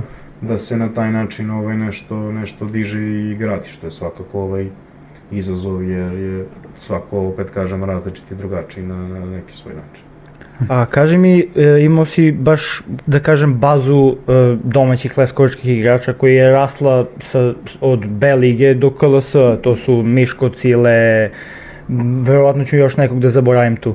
Ali teo sam, to, aha, aha. e, teo sam mimo njih da, da, i njih da se dokačimo i mimo njih mi interesuje isto e, selektiranje kod generalno stranaca u poslednjih dve, tri godine. Baš Dve zdravlje, godine pogotovo, zdravlje baš imalo-. Da, imalo je sjajne strance, počeći od, od Hudsona do, do Noe, pa preko Morgan, sad Jordan, Mamči. Morgan, stvarno fenomenalna sezona isto njegove ove godine. Koje, koje ide, šta ide u selektiranje tih igrača, gde se nalaze evo, ti igrači? Konkretno možemo da, konkretno možemo da pričamo evo sada o selektiranju, pričamo za, za, Za- za- sledeću da, za sledeću sezonu, da. da ne, ovaj, da pričamo malo dublje o tome. A, pa, pa te igrače je realno Marko Dimitrijević koji je došao te godine u Leskovac, ovaj, to je bila ta godina B lige, je bukvalno bila situacija kao ova koju ja trenutno imam ovde, gde smo tad skupljali sve što se bavi košarkom. Znači, uopšte se ne radi o selekciji u smislu da li on dobar ili nije dobar, nego dođi, dođi. Treba ti za trening. Dođi, razumeš, znači dođi pa ćemo dođi, pa ćemo da vidimo, radit ćemo pa ćemo da vidimo. I to je pre bilo pre nekih, a ne znam, 4-5 godina, tako nešto, jel da? Da, da, mislim da Znači, ima toliko. oni su 9-8, znači nekih 20 godina su imali, ovaj Cile se, pri- mislim Cile i pre toga bio ovaj, u, Jest, u u- ekipi, ali je tad ovaj, sam Miško Petković se priključio. Miško, da. Miško Petković se priključio, Cile se priključio. I da, Čeci je, Čeci se, Čeci se vratio, vratio tad, Čeci da. je bio tu. Od domaćih, Gaga Jović je bio tu. Jeste. Gaga Jović je bio tu, Miloš Jović je, Đole Jović je u stvari bio u B liga kad je kad je Laza Kad došao. ste ušli. Da. Da, to je godina kasnije. Znači to su ta 4-5 igrača koje su kasnije ovaj, kod Laze samo se nadograđivali u smislu nekog rada i nekog iskustva koje su imali i prošli kroz sezonu sa Markom, pa nakon toga godina korone kod Laze ta prva, pa je onda godina nakon korone bila sezona gde smo mi iz, iz B lige ovaj, ušli u KLS. E, sad je opet ta situacija koju se vraća malo pre da je neki period i tajming ovaj loš, gde je to meni Miško Petrović prošle godine je povredio se, ima problem sa tetivom, Da. ima je problem sa tetivom, propustio je taj drugi deo prvog dela ovaj sezone gde je bio van terena mesec, mesec i po bukvalno od trenutka kada sam ovaj ja preuzeo ekipu. A, Cile je pre toga bio drugi ili treći playmaker igra nekih 5, 6, 7 minuta jednostavno ovaj mu, ne da nije, nije, nije mu odgovaralo jednostavno, nije imao poverenje, nije imao, nije imao minute ovaj, u meri u kojoj on ovaj, smatrao da Da, da, da. treba. Da i kod mene je generalno igra Maksim je bio ovaj, Korbačov pa je on raskinuo ugovor sa njim da bi Cile ovaj, između ostalog imao ovaj, više minuta da, da igra i on je taj drugi deo sezone ovaj, odigrao možda iznenađujuće dobro, tako da Mislim, Jeste. generalno iznenađujuće dobro za, za, za neke ljude koji nisu unutra sa nama, ja sam verovao da on to može uz naravno brdo oscilacija koje, koje, koje ima u, to, u, ovaj, u toku sezone i u, i u igri koje smo ovaj, pričali, ispravljali. I sad se desi situacija da si eto 3-4 godine, ne znam, ulagao ovaj, u njega neko, neko vreme, neću da kažem uopšte novac, nisu to neke, ne, ne, neke velike cifre, ali neko vreme i, i neko, neko svoje ovaj, svoj neki rad posvećivo njemu, ne nekim drugim igračima. I onda dođe situacija da je onda pitanje da li ćeš da ga imaš ove godine ili nećeš zbog, opet kažem, raznoraznih stvari koje se tiču i nekog privatnog i, i ovaj, životnog i društvenog i sportskog dela. I onda jednostavno je to i problem što sa kim god da radiš i svako ko ti je dobar ove sezone i ko ti igra dobro ove sezone, to znači da ga ti sledeće godine nemaš. Da. Da. Znači, kogo ti bude najbolje ove godine, ti ga sledeće godine nemaš, jer će njemu ovaj, realna cena na tržištu da, da, ovaj, se, da se ovaj, podigne i svako će tražiti, svako gleda za sebe da nađe najbolji mogući, najbolji mogući klub Naravno, svake da. sezone i to je to, nekad je nekad se očekuje možda previše od kluba da klub bude tu neko ko bi trebao da da uvek bude i da izlazi u susret igračima, igrači nekada i nisu baš ovaj ne fair i najbolji prema prema samom klubu pričam kada bi ovaj klub bio to neko ovaj treće lice i ta uh, Miško Petković, on Gaga, Miloš Jović se nakon toga ovaj vratio ovaj u Leskovac počeo sezonu na Zlatiboru pre da. dve godine pa se vratio i on pre dve prošle sezone potpisao na godinu i po dana, Miloš Stojanović ovaj je isto potpisao na godinu i po dana, tako da smo imali neku bazu od 5-6 igrača ovaj prošle godine. Da. Dok je ove godine sad ovaj, dolaze ti mladi igrači, novi generacije koji smo pričali malo pre neko 2001. 2. 5. koji su bili u Italiji prethodne 3-4 godine, koji su sada ovaj, završili tamo to što su to što su imali i uspeli smo da ih s tom nekom svojom nekom ponudom ovaj, potpišemo na dve godine i da sada krenemo u taj neki novi ciklus koji je bio sa ovim igračima koje sam sada spomenuo. Znači. Ovaj, to je cilj na početku da se što više igrača ovaj, iz Leskovca ovaj, potpiše u, u ovaj, roster. Mi generalno imamo problem sa visokim igračima, generalno smo ovaj, tako, tako područje.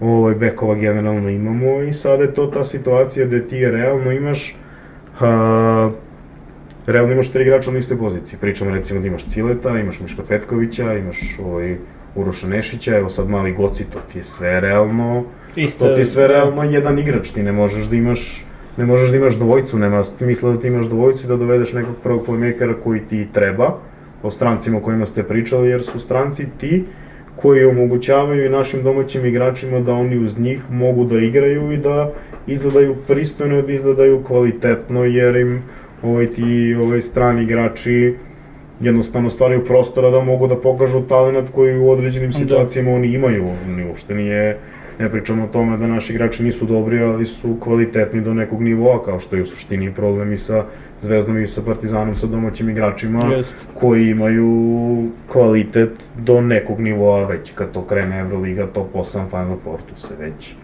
ovaj, odmah se vidi što se kaže ko je, Zna se koliko ko je, ko je Da. liga, ko je liga ispod, znaš. Da. I ove, eto, napravili smo tu neku bazu ove godine, Mali Goci, ovaj, Goran, a, Gaci je tu, ima ugovor još dve godine, Lazar Tasić se vratio iz Italije, Italije. potpisuje ugovor na dve godine. Đole Jović. A, Nikola Stanković je tu ovaj, došao sa njim bi trebalo utorak isto da se potpiše ugovor na dve godine. Sa Đoletom Jovićem smo u pregovorima, mi smo mu ponudili šta smo imali, on još uvek razmišlja da li će da bude kod nas ili će da ide ovaj, u Sloveniju da nam da ovaj, neke studije i da uporedno igra košarku i ovaj studira. Tako da eto, to je sad odluka na, odluka na njemu. Klub se trudi da svake godine sa svim domaćim igračima ovaj, Sarađuje. razgovor, da. Da. Ovaj, Gaga Jović je, sa Gagom Jovićem smo ovaj, u pregovorima, Čeci bi trebao da bude tu kapiten ove sledeće godine, sa njim smo, sa njim smo isto u završnim pregovorima. Tako da je to već neka, neka baza Fina od baza, nekih 7-8 da. domaćih igrača, gde od njih 7-8 realno petorica, šestorica imaju već ugovore na dve godine, možda sam zaboravio neke, ne znam. U Urošu Nešiću smo pričali isto. Da, i on da, je tu ovaj, bio, tako da je to već neka baza od nekih 7-8 igrača ovaj, koja gde većina njih ima ugovor na dve godine, opet kažem i u interesu kluba je da, da to tako bude, jer mi je to nešto jedino zašto mi smatramo da ima nekog smisla. Da. Da ove godine ti igrači mogu da se uvedu u, neki sistem i način rada, jer je možda to i najveći generalno problem trenutno, taj prelazak iz taj neki prelazak iz neke košarke amaterske, pričamo o srpskoj ligi ili pričamo o nekoj, nekoj možda, ajde B liga, možda i malo poluprofesionalno, srpska liga realno nešto, realno jeste nešto amatersko, dok je ovo već KLS nešto što je, što je, što Da, je da, profesionalno baš ozbiljno. i da je to najveća razlika generalno gde se naši igrači gube. Što se tiče prelaska iz mlađe kategorije u seniore, ne znam u Leskovcu da li ima neko ko nije prešao. Što se kaže, ili prošao da znači iz juniora, da nije mogao da nađe klub u seniorskoj ekipi negde, a hteo je da igra košar. Znači, Da, ne nema- postoji. da, jeste. Znači, ne postoji, tako da to nije problem, ali je problem taj prelazak iz amaterske u seniorsku, Da. između ostalog si i ti ovaj, bio sa nama pre dve godine, to je opet bila B liga gde je i to tada bilo ozbiljno, sada je još ozbiljnije, Da, da. ali si samo setio ovaj, Koliko je drugačije, Koliko si je neozbiljan. sve- Da, da, koliko je sve to drugačije, koliko treba ovaj, odricanja i svega da, da, da, da bi se to ovaj, pratilo, mislim i na trening, mislim i na generalno. No, ži- da. da. Tako da je taj deo tu ovaj tu najteži i ta prva godina bi trebala da bude kao neka priprema i ulaz za tu neku drugu godinu s tim što je sezona takva kakva jeste, dugačka, 30 utakmica, uvek ima neke bolesti, uvek ima nekih povreda, uvek treba igrači za trening, tako da će sigurno i ti mladi igrači imati šansu u, koji će dobiti u toku ove sezone, onda njima da to opravdaju i da pokažu da sledeće godine oni mogu da imaju tih nekih 15-20 Da. minuta i da kažeš, ej, slušaj, to dete ima 15-20 minuta pokazalo je da može naše dete, ne moramo da dovodimo nekog ko je, ne znam, mnogo dobar ovaj, i mnogo bolji odnosno Da. na njega, nego da dovedemo nekog približnog kvaliteta, pa da oni mogu da, da dele te minute. Da. To je ta, to je ta, jedna, ta neka ovaj, prva faza sklapanja, sklapanja ekipe što se tiče domaćih igrača. Kad kažem domaći igrače, mislim na Leskovčan. To je jedna stvar Da, koju da, da, da. ovaj, trebaju da, Jeste. da razumeju da je Zvezdi i Partizanu stranac svako ko nema srpski pasoš, Da. dok je nama stranac svako, Svako ko je van Leskovca. da li je on iz ovaj Niša ili iz Kragujevca ili iz Njujorka, mi kao klub njemu obezbeđujemo stan i hranu i to nas ovaj, košta, tako da je totalno, totalno nebitno. Da. Ovaj, nakon te prve faze, ta druga faza da vidimo šta od a, domaćih srpskih igrača sa srpskim pasošem ovaj, možemo da dovedemo kod nas. Ovaj, da na pozicijama koje nemamo, ako može da nam da neki, neki određeni kvalitet, da neke stvari tu može da, da nosi ovaj, i da je recimo eto talentovan ili da, da, da može nešto da se neko obeštećenje potencijalno uzme za njega, ali to su sve možda i nerealne stvari, ali su sigurno oni ti koje pokušamo da imamo što više, a da je ta ovaj, završna faza poslednja da to što ne možemo od Leskovčana i od naših domaćih srpskih igrača da nađemo, potražimo ovaj, u inostranstvu, da li su to ovaj, Amerikanci, ne, ne, nebitna je nacionalnost, Da. ovaj, skroz samo su oni jednostavno trenutno dominiraju ovaj, generalno U svim ovaj, ligama, ne da, samo u ligama, KLS. evo, I ima ih mnogo. I o Zvezdi pričamo i o Partizanu, Da. to su stvarno ovaj, Bez njih se ne može. ljudi. Da. Talentovani Da. ljudi koji imaju pojene rukama, mi imamo sve, samo nemamo pojene rukama, sve ćemo mi da radimo, sve ćemo mi to da pratimo, znaš. Ali nemamo pojene u rukama i generalno su se i ti igrači malo, igrači tog nekog zadatka i svega toga generalno izgubili danas u košarci, generalno ih nema. Da. Svi bi da igraju, svi bi da budu Svi glavni, bi lopta da bude da kod njih. 15 minuta, svi bi da daju 30 poena, svi bi naša totalno, totalno bez razloga ima igrača koji su napravili sjajne karijere, koliko sad imaš, nemaš nikog. Da. Eto, možda Luka Mitrović ti je neko ko ti odmah ono pada na pamet, kao eto, koji tu neku ulogu treba da ima, Da. ali samo zamisli koliko bi onda Zvezda bila još bolja kada bi, da je ova sezona, pored Luke, bio prvi centar.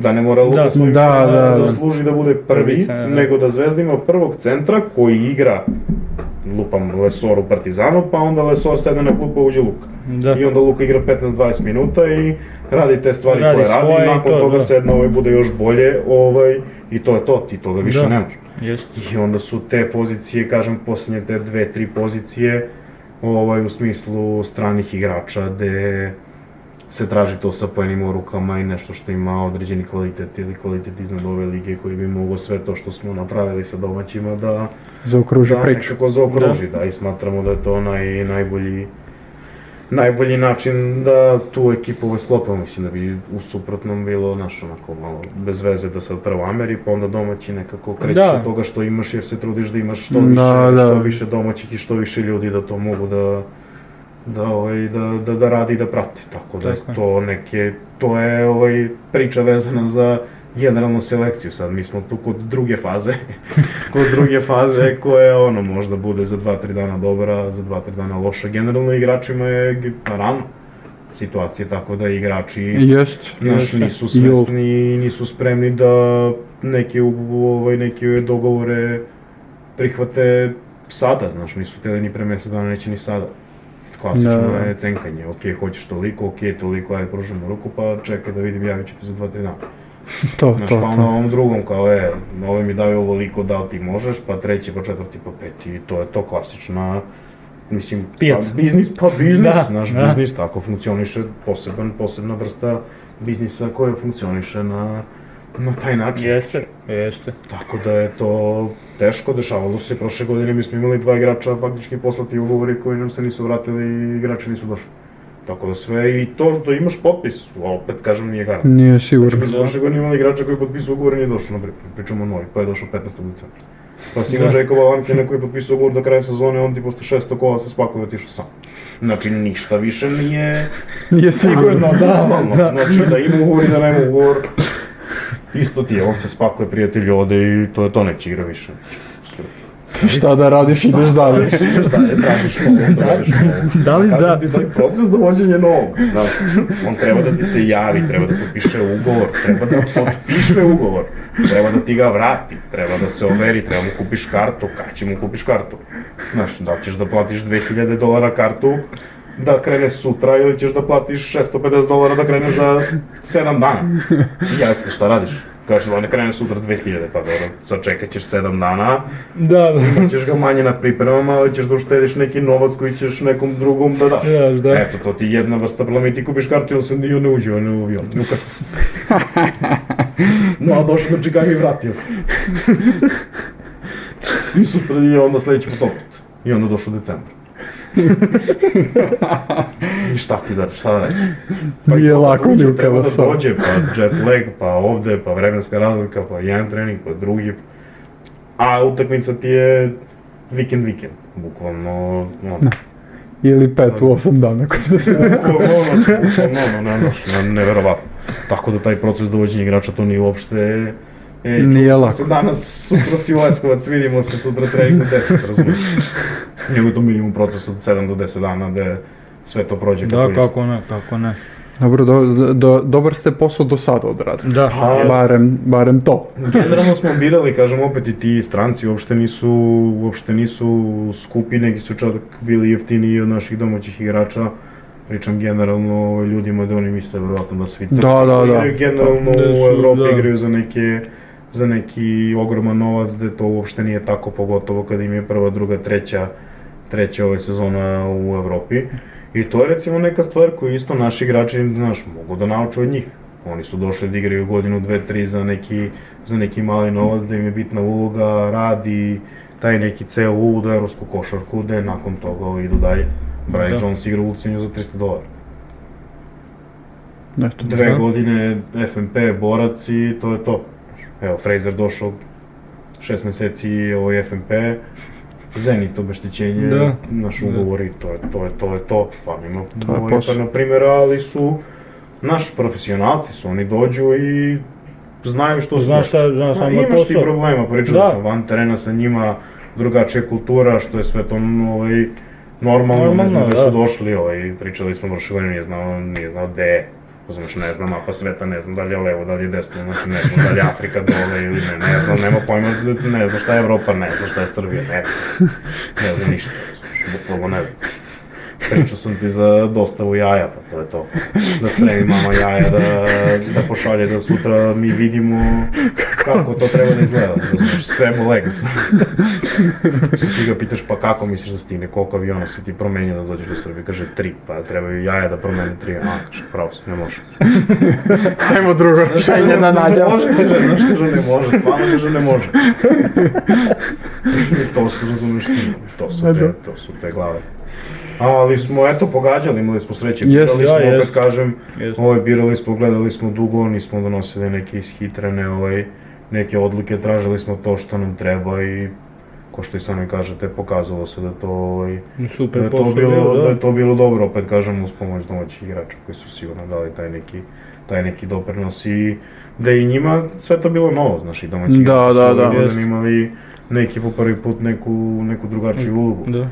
Pa i onda ovaj, a, prođu godine, pa stekneš neko iskustvo, postaneš svestan nekih stvari, pa je ovaj, i publika, pa i prijatelji, pa i rodbina, pa jedna utakmica, pa dodatni pritisak, pa neko mentalno opterećenje da kod kuće ovaj, odigraš dobru utakmicu Da. pred svojim drugarima i roditeljima, gde nama nismo stvarno igrali.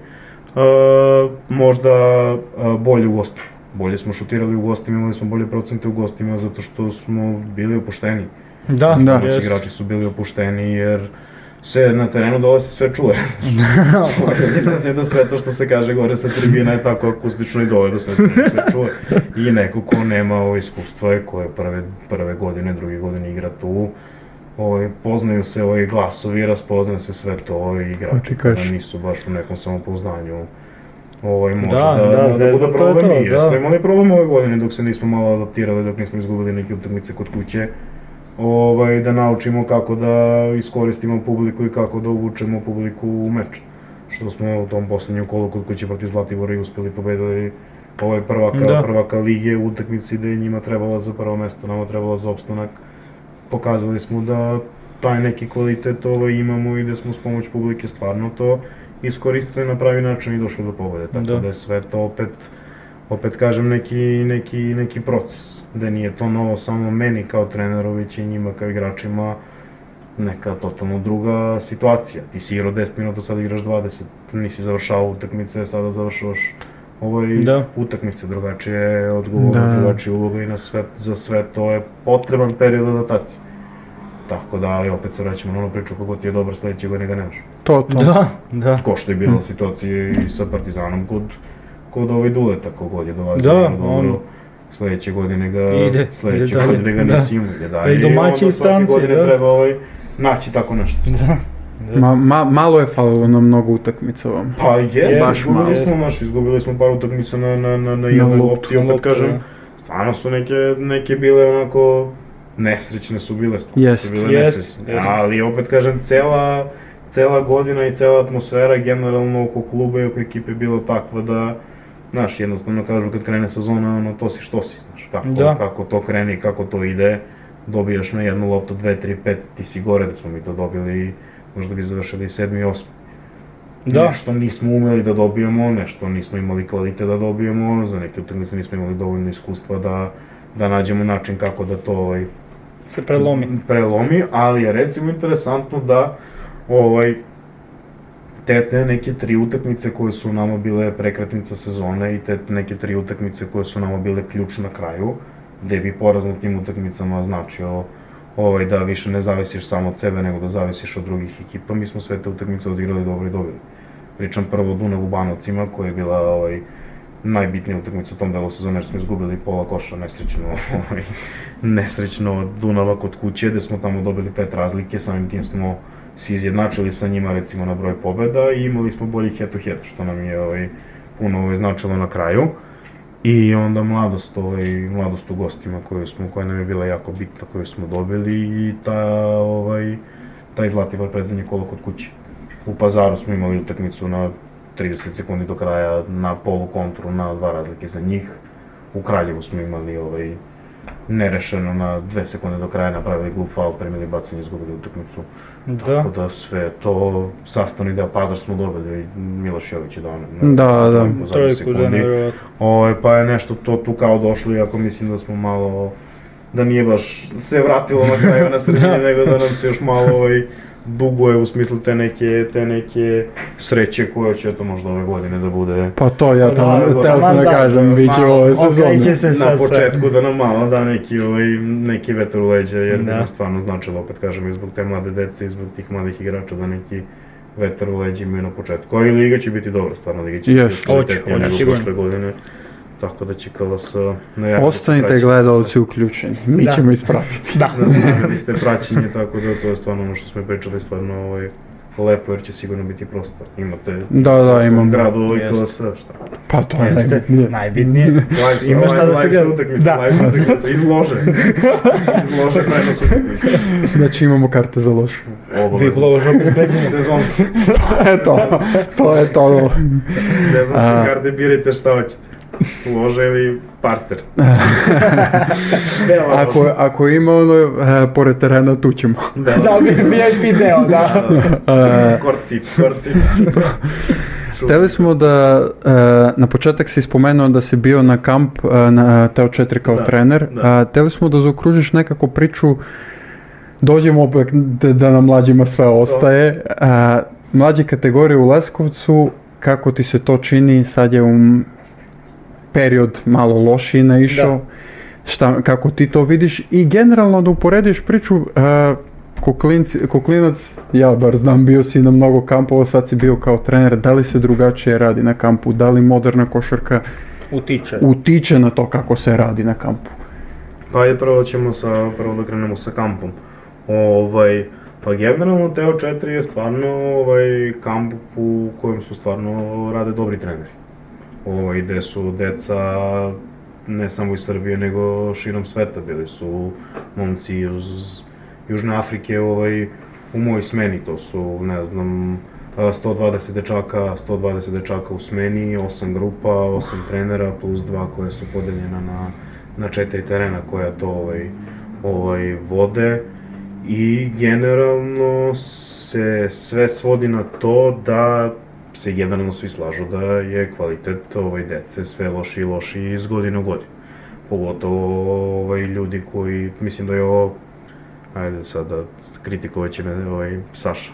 Uh, sedma ili osma godina kampa, gde su treneri tu koji su od prve godine ovaj, rade i gde su oni ti koji to ovaj, spominju kažu da je stvarno kvalitet dece iz godine u godinu ovaj, dosta loši. Radi se dva puta dnevno na kampu, plus taj fitness koji, koji deca imaju, uveče su ta takmičenja 1 na 1, šut 5 na 5, tako da je stvarno ovaj, to fenomenalno organizovano za njih u smislu nekog druženja sa svojim vršnjacima, što iz zemlje, što iz različitih ovaj, delova sveta, što kroz taj rad.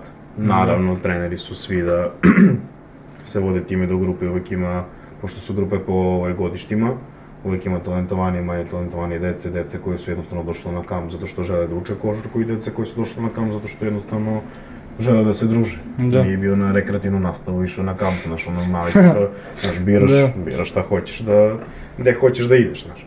I ovaj, tako da ima i talentovane dece, onda se malo više ovaj, obrati neka pažnja njima, kad vidiš da neko želi da radi i da ovaj, Naravno. maksimalno Da. fokusu, ko što generalno jeste u životu, sigurno da ćeš malo ovaj, više vremena i pažnje Njemu, da, posvetiti da. njemu.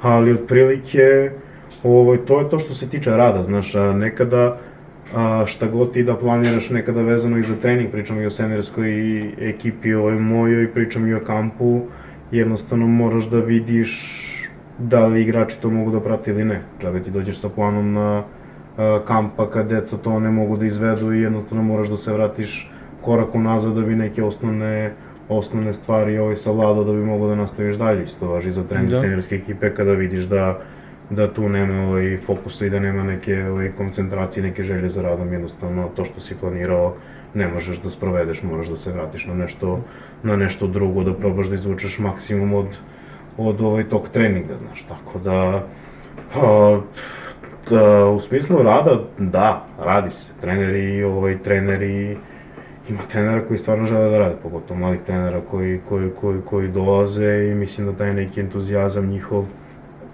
treba da se iskoristi na početku, jer je sigurno na početku sve ovaj, mnogo lakše nego, nego kasnije kada ta Da. neka priča krene. Baš smo ovaj, sa, apropo te priče o, o, o tome, ovaj, sa Miljanovićem pričala i da je ta godina kada sam ja sa 18 završavao, kada sam odlazio iz FNP-a, on isto ovaj, imao onaj ugovor sa Partizanom, pa je iz Partizana išao išao u Megu. Megu, da. Da, ovaj, a, to je bila prva godina Mege i pravljenje svega onoga što Mega danas jeste. Da. Ali je sve to bilo sa mnogo većim entuzijazmom nego što danas nego što je to danas. Da, ne kažem da, da. se danas ne radi, ali ovaj, sigurno da Miško ima neke, neke, neke veće poslove, neka veću priču nego da se bavi To definitivno. Ovaj, nego, znaš, nego da se bavi prvim timom Mege Mege, i da. da. bude na treninzima i da blati njihov razvoj i da budu teretani kao što je to tada bilo. Kad Da. je Vlada Vukojičić ovaj, to uzeo na početku, kad je ovaj, Milo je tu bio još uvek i kad je Zeka Milosavljević bio Vasa, Dangubić, Krstić, Da, Miljanović, da, to je bila zanimljiva ekipa. Da. ovaj, Avramović, cela ta, cela ta ovaj, generacija posle toga sa, sa Novicom, pa i Bobi bio kad je Milović to preuzeo, ovaj, stvarno su radili, opet kažem, sa puno entuzijazma za taj neki ekstra effort, za neki dodatni, ovaj, neka dodatna želja u smislu Da. rada i neke ambicije koja je proizvela to da bar do tih igrača ovaj dan danas igra ovaj, ozbiljnu košarku i, i živi od košarke. Da, Tako da je, opet kažem, zbog tih mladih trenera i zbog svega toga, stvarno svaki neki novi projekat i neki novi početak je pun nekog entuzijazma koji kroz godinu ovaj, generalno ima sve manje i manje jer je posao takav i normalno problemi, razočarenja, stres, nekom je tako, nekom nije, ali ovaj, sigurno da se radi kvalitetno. Koliko sad ovaj, ovaj, deca to mogu da, da prate, pogotovo na kampovima, to je upitno gde tebi dođe dete sa tri treninga dnevno na sa tri treninga nedeljno ti dođe na kamp da radi dva puta dnevno. Da, da. Ponedeljak dva, utorak To dva, šok. gotovo sreda, nema, naš, ne- nema funkciju više, ti vidiš da, ti vidiš da ti pričaš, ali da to Ne prati više. Ne prati te više, znači ono ga radi, hoće da ga radi, ono da ti ispoštuje, razumiješ, da se ti ne ljutiš. ali, znaš, to je ono pola osam u kao, znači kad dođeš pa kao, nije ti jasno ovaj ništa, tek kad se završi trening, počneš da, počneš da radiš Vraćati se sve. počneš da radiš. A ovaj, tako da je to nešto što se tiče ovaj, kampa, što se tiče Leskovca generalno i mlađih kategorija, ovaj, mlađim kategorijama generalno u Leskovcu se bave školice košarke o kojima smo ranije pričali. Zdravlje je imalo tu neku priču ovaj, tih 5-6 godina početkom 2000-ih gde je ovaj, fabrika finansirala klub i gde si ti imao dovoljno sredstava da sve to možeš da postaviš na način na, na koji to treba da bude. Jer sad prva stvar je prva stvar je odmah vezana za financije. Da, da. Da. Ali ajde i pre financije ima ovaj, jedna bitnija stvar koju vi trenutno možda i najbolje znate, to su prvo termini. Da. Tako znači je. ti prvo da bi imao selekciju moraš prvo da obezbediš termine, to je prvo. E sad da ti praviš ovaj, to sad vuče neku drugu stvar koja se vraćamo na mlađe kategorije, ono što smo pričali, ti se vezuje za školstvo. Da. po meni, sad ja pričam o mojoj ideji, da bi ti rešio te termine, ti prvo moraš da rešiš školstvo. Ko što je bilo kad sam ja išao u osnovnu srednju školu, zna se ko ide ujutru, zna se ko ide popodne. Kad se zna ko ide ujutru, ko ide popodne, onda mogu i termini da, Da se pogode. da, Da, se da. dele, jer o čemu se radi sada, ti realno svaki termin pre pet ili šest popodne tebi nema nikakvu funkciju. Da. Jer jedni idu popodne u školu, jedni idu Ujutru. ujutru, da. i jedne nedelje ih imaš pet, pa te koji si imao ove nedelje ovaj pet, ih imaš za dve nedelje jer sledeće, godine, sledeće nedelje ne mogu da ti dođu, ali ti dođu drugi. Da. Ti konstantno ovaj, imaš po, po pola, Gubiš, pola ekipe da. na, na, na treninzima, a svima trebaju termini nakon šest. Pričam i o Da. rukometašima, i Da, rukometašima, da. i futbalerima, i, i svima, svi, znači svima treba. Tako da taj neki deo mislim da bi ovaj, olakšao puno nekim sportskim ovaj, kolektivima upravo zbog tih termina kada bi se to školstvo kao prvo ovaj, rešilo. Druga Da. stvar je da ti ljudi koji bi radili, koji bi radili sa tom decom treba da budu adekvatno plaćeni u smislu da im to bude glavni izvor prihoda i da oni ovaj mogu 100% da budu prisutni i uključeni u to i da onda imaju neku odgovornost za za neke Da, rezultate da. i za neki, za neki rad, ako ti to možeš da platiš ko što se to, ne znam, plaćalo ranije 20-30 hiljada ili ovaj, školice košarke koje žive od članarina, realno ti tu nemaš nekog jelana za rad, jer će opet taj posao trenerski biti nešto pratiće, da će neko morati da radi neki, ajmo da kažeš, ozbiljan da. posao, ozbiljan Da, posao, da ima prvi posao, da ovaj, zna da ima standardne prihode i da može od toga da živi, a da ovo ovaj, sa košarkom bude neki dodatak finansijski plus to što se, što se voli i što se, što se radi. A, pionira i kadeta nema, nema ovaj, generalnu gradu, već pioniri Ne. kadeti realno prestaju da plaćaju članarinu, čim prestaju da plaćaju članarinu, onda nikom nije interesantno da ima decu i da ima selekciju koja ne Da, plaća članarinu, da. jer su to dodatni troškovi na situaciju gde ovaj, jednostavno para u košaci nema ko što možda ima u futbolu. Futbolu, da, da. I sada ti na naplatu jednostavno dolaze ti igrači i taj period 2006. 7. 8. 9. 10. godine kada ti nisi imao bukvalno ni seniorsku ovaj, ekipu u prvoj srpskoj, a kamo je neku školicu košarke gde su sad ti momci koji su 2006. imali jednu godinu, danas imaju 17, ovaj, 18 ili, ili su malo mlađi i taj ja se realno javlja to što je bilo Da. 96. 7. 8. To ti je ta generacija, to. od toga si nešto imao, već nakon toga 9. 2000. 2001. Nemaš. Jest. drugo, nemaš ništa, to su ti te pet godine nekog jaza. Pa ti onda sad je to 2003. ne znam Gaci, pa će dođe Laza Tasić 2005. i to, to je već neki početak nekog rada kada je, drugog, da, kada je. Tavisovi krenuo, da, kad, je, kad su imali, kada su bila 200 deteta u Octavis Akademiji. Ovaj, tako da su ti termini problem. Sajmište se, za, ovaj, sajmište se zatvorilo.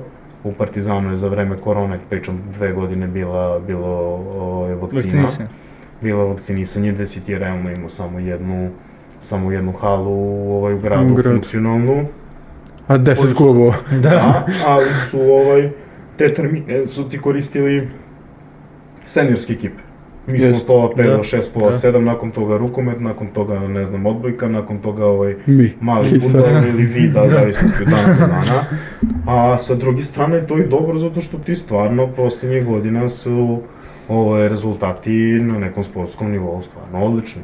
Yes. Rukometaši su ovaj, ozbiljni u prvoj ligi, top 5 ekipa koju, koju igraju, malo im fali za Evropu, zdravlje Bože ove godine će možda i napraviti rezultat Da, da. mogu da izađu ovaj, u Evropu i da na najbolji mogući način ovaj, prikažu ovaj grad. Mi koji smo tu, evo treća sezona KLS, futbol da. koji je ove godine ušao u prvu ligu, znači to je prva liga je realno druga liga, oni imaju super ligu i Da. prva liga je u stvari druga liga. Ovo, gde su i oni napravili dodatni ovaj, iskorak i stvarno mi je drago zbog toga. Mislim da smo mi prvi koji smo to, ovaj, opet kažem to pre desetak godina. Da, da, toga da, je to da, nešto da, malo da. krenulo da se, da se ovaj, dešava, što je stvarno fenomenalno i stvarno mislim da je generalno odnos a, ljudi koji, koji, koji vode klubove, stvarno mislim da nikad nije bio bolji. Da, Da. svi jednostavno imaju maksimalno razumevanja jedni, jedni za druge zbog jer su situacije slične, problemi su problemi su slični ovaj, u svakom sportu, samo što su svakom, možda da. Cifre i nule ovaj, drugačije, razumeš, ali to je to isti problem, ovaj kuka za 100 evra, ovaj za 1000, ovaj za 10.000, ovaj za Da. 100.000, ali kuka, isto kuka, razumeš, isto kuka.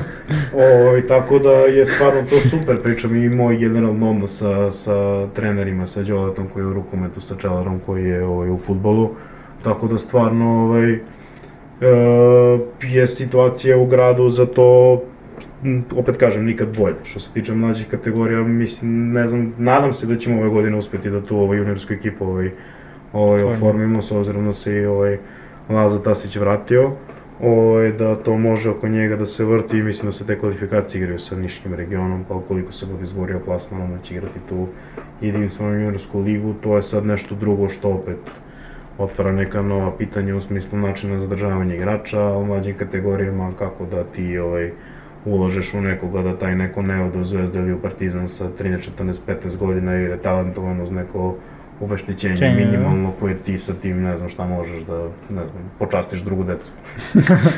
Znaš, da sad ti imaš 2, 3, 4 godine ulaganja u neko dete koje ti ode za 2, 3, 5 hiljada evra, mislim ti kao klub, ok, imaš, razvio si dete, sve super, pričamo o toj nekoj masovnosti, o nekom amaterskom sportu, o tim školicama košarke, u školice futbala, gde to treba da se, Da se, ovaj, da. okuplja decu, da deca budu zdrava i sve to, ali te školice košarke definitivno ovaj, utiču na karakter dece. Da, Znaš, nema da. više borbe za mesto. Nema je da li ću budem kod Bizona u 12 i da li ću budem kod Jest, Stevče u jest. 12, razumeš, ili ću moram da idem u Dubočicu. Recimo. Da, Nema, sad je, ideš, ok, ne sviđa mi se tamo, trener me nije pustio da igram, platio sam članarinu, ako sam platio članarinu, ovaj, očekujem da moje dete Da igram. Da. Ako moje dete ne igra, ono će da ide u drugi klub i ovaj, to kad krene, kako onda sa 18 godina kad bude senior da on razume da treba da bude strpljiv i da radi 6 Da. meseci da bi igrao. da, Da da. bi dobio šansu. Kako da on to razume Da. kad, kad mi se god ništa, nešto ovaj nije sviđalo, ja sam ovaj promenio Išao sam, sredinu. idem dalje, I da. to je definitivno i evidentan problem ne samo u Leskovcu, pričam i u ostalim gradovima, pričam i sa generacijama koje dolaze jer je sve ovaj, manje i manje toga. Zato Da. što je sve generalno na poklon, ima puno izbora, gde god ovaj možeš da ideš, uvek ćeš da nađeš klub, ovo što smo pričali sad, kako Da, dođe da, srpska sad, liga, druga da, da. svakom treba igrač, Tako dođe je. super, daćemo ti nešto, to je to. I samim tim se ovaj neki karakter i neka želja za nekim radom i dokazivanjem i neke zdrave konkurencije je prestala, znaš Jeste. ti i deca 13-14 godina ti imaju komentar, ma ko će, razumeš da radi, ko će sad trenirati. Jeste. Bukvalno. Znaš, Jeste. ko će sad trenirati, kao ja ću sad kao ustajem u 8 da idem kao na treningu u pola 9. Vaš. znaš, to je ovo što ti pričam za školstvo, znaš. Da, Da, da. ti kažu, da. pa znaš, trenirali smo i mi u 10 uveče ranije, pa nije problem trenirati i vi u 10 uveče. Ali se zna onda da je svaki dan 10 uveče i kad je svaki dan 10 uveče, prvih mesec dana ćemo da odradimo 5 treninga, za 2 meseca 15, ali za 3 meseca kad se uhvatimo U u ritam, neki da. ritam i kad organizujemo sve to prema treningu u 10, bit će nas konstantno. Jest, jest. Znaš, trenirali smo mi u 7 ujutru, sajmište je bilo minus 15. Bukvalno, Kaloriferi da. pa si trenirao, ali si znao da je trening u 7, sam se probudiš u 6 zato što je svaki dan tako. Da, da. Zato što hoćeš. Pravi, Ma, da. Znaš, uopšte se ne postavlja pitanje da li ćeš ti da se probudiš i da li ćeš trening imaš u 7. A ti sad ne ne sumnjam da treneri ovaj... To, to su mi, znači, čak u hali, znači radnici u hali mi kažu, koji ono rade pa ne znam utekmice čiste pa pogledaju neki trening deca i to kažu da deca ujutru koja dođu znaš nisu funkcionalna ta ista deca deve, i koju gledaš u 9 ujutru i koju gledaš u 6 popodne ista selekcija to su različite različite deca Da, da. Koliko ne, ne, nemaju, nemaju mogućnost da funkcionišu u ovoj ujutru, koliko je to u 5-6 popodne kad se već rasane, kad uhvate neki ritam totalno drugačije. Jest, Da, da. I jednostavno je, ali jednostavno je to tako sa školicama košarke, znaš. Ti sad, šta je tu najbolje rešenje, da li ti ovaj, da li ti kao zdravlje pokrenuti neke školice, svoju školicu ove košarke, što će onda ovaj, pokrenuti da će pot, potencijalno deca iz ovih drugih školica košarke doći ovaj, kod tebe, pa će se tu onda napraviti ovaj, neka priča ovaj, malo, malo ovaj, drugačija, gde će sigurno da se i ovaj, više radi, gde će sigurno biti ovaj, rasprave i svađe, jer generalno to funkcioniše u svakom gradu tako. Da. Gde kad neko, ne znam, krene i počne da radi odmah, daj da ga Daj da ga i Daj sabotiram. Da ga, daj da ga sabotiramo, jer jednostavno, pa mislim, takvi smo, to je to, razumeš, sve nam je, sve je ovaj, drugo bolje nego što je naše, tako da je to jedna stvar, a druga stvar je isto kao što se probala pre nekih 7-8 godina, da školice košarke rade to ovaj, što rade, ali kad već dođu do kad već dođu do pionira da budu u obavezi da ovaj budu zdravi.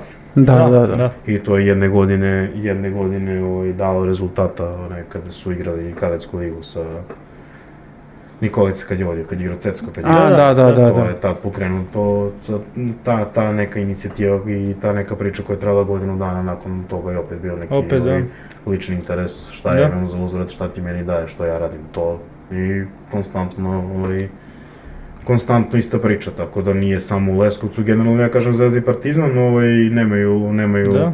ovaj, svoji igrači proizvodnju nekih svojih igrača koji mogu da dođu do prvog tima, koji imaju sve moguće, sve moguće ovaj, uslove i sve moguće benefite ove zemlje, kamoli neke neki manji klubovi u unutrašnjosti. Da, šta da očekuješ od jednostavno Svaki dinar mere ovaj, tri puta kako će ga Yes, ovaj, da se potrošiti. potroši, znaš. Da, da li je ovo jeftinije ili nije za neki smešni novac. Ali opet kažem, neka kako je, kako je bilo, kako je sada, sigurno se ovaj, vidi neki napredak u smislu i ozbiljnosti i rasta i razvoja kluba, tako da se nadam da ćemo i imati ovaj, dovoljno financija da tu neku priču sa mlađim kategorijama ovaj, pokarnemo i da se opet kažem to to vidi, jer je puno faktora vezano, opet kažem i novac, i škola, i termini, i treneri, i igrači, da se i ovaj da. sistem, i ugovori, i vezivanje igrača da ne mogu da ti odu tek tako, nego da ovaj, znaš ovaj, šta imaš i koliko su tu. Tako da mislim da, da koliko ne ove godine, mislim da će sledeće godine sigurno ovaj, zdravlje imati ili svoju školicu sporta ili svoje mlađe kategorije, siguran sam možda ne ove godine, jer nam je ova godina do, do, do, do januara mislim da će biti onako malo, malo teža i kritičnija, ali ukoliko budemo ovaj, uspeli da ostanemo konkurentni, da ostanemo na nogama do nekog a, 1. 2. aprila, da će to već sledeće godine biti, biti mnogo lakše i da će biti mnogo, mnogo ozbiljnije. Jako, jako lepo bi bilo. Pa da, mislim, Jako znaš, opet da kažem, sve se, to se kreće od tih termina i odnosnosti i ovaj svega. Tebi trenutno plivači imaju najviše dece zato što imaju najbolje termine. Da, Da, da. Ne kažem i rade kako treba da rade, naravno, to su fenomenalni momci koji su po ceo dan na bazenu i koji rade sa, sa, sa ovaj tom decom, ali je jedan prenost i ta. Zna se, u Da. 7 je trening do 8, 8 je I trening do je to, 9, da. ideš u školu do 5, 6, dete kući, ovaj, što logično, ja sad imam dete od dve godine, nakon škole, ovaj, ne znam, domaći, ručak, večera, šta već treba, idemo na trening u 7, To je imamo to, do 8, da. nakon toga kući dete su umorilo, razdala, ovaj, razvilo, Lepo leglo da spavanje na spava vreme to je i to. sve, I da. zato ih ima puno. Da, I Tako zato je. su i medalje i sve to ovaj, stvarno rade da, fenomenalno. da. Dobro. A, coach, mnogo ti hvala što si izdvojio vreme. Nema na čemu, ja sam mi rekao, ovaj, tu smo. Da. U istom gradu šta god da treba, kad god. Bi, bićemo u da- kontaktu i kad krene da, taj da, kalasa. Da, da, da, da, ovo je obavezno. A, Brzo će to sve. da. A, to bi bilo to. Publiku da pozovemo naravno, da, Da nas se- prate. Da, Subscribe-uje se, da se, da iskomentariše, da sve. Da, To- rekli smo ne. za njega da ćemo da kažemo, da, za, za, za trenere, kad smo se E, dotakli. da, to, eto, što je ostalo, Da, da je pita me- in- interesantan fan fact Pita me on za trenere, nešto smo se dotakli i pričali, ja mu kažem, Bogdan je rekao tebe, bukvalno svaki trener u Leskovcu, mislim da te trenirao, mislim da ja ovaj, sam jedini koji ti nije bio trener, znači ponedeljak 10, molim te. Pa, pojavi jel se. ima neko, jel ima neko da nisi radio s njim, ja mislim da si kod svakog bio. S tobom nisam. A, samo to, ponedeljak 10, ponedeljak 10. Ništa, čuli ste ljudi, ste klub je vi- zdravlje. Čuli ste, vi, koji, Informisan ovaj dečko, da, košarci. vi koji ste rekli da nikad nismo uhvatili loptu u ruke. To je za vas. Da, da, levica iz popa, popa, da. A, to je to, nadam se. Voli, Voli. Nadam se da ćete navijeti za zdravlje i za mene naredne sezone. Podcast ću voditi sam. Podcast od sada pa prepuštam Luki. Baš ne ideš. Ma nema više sad. Moram dole. Mo- Moram da se ravam. To bi bilo to. A, do sljedećeg viđenja. Viđenja prijatno, čao. Idemo se. Pozdrav.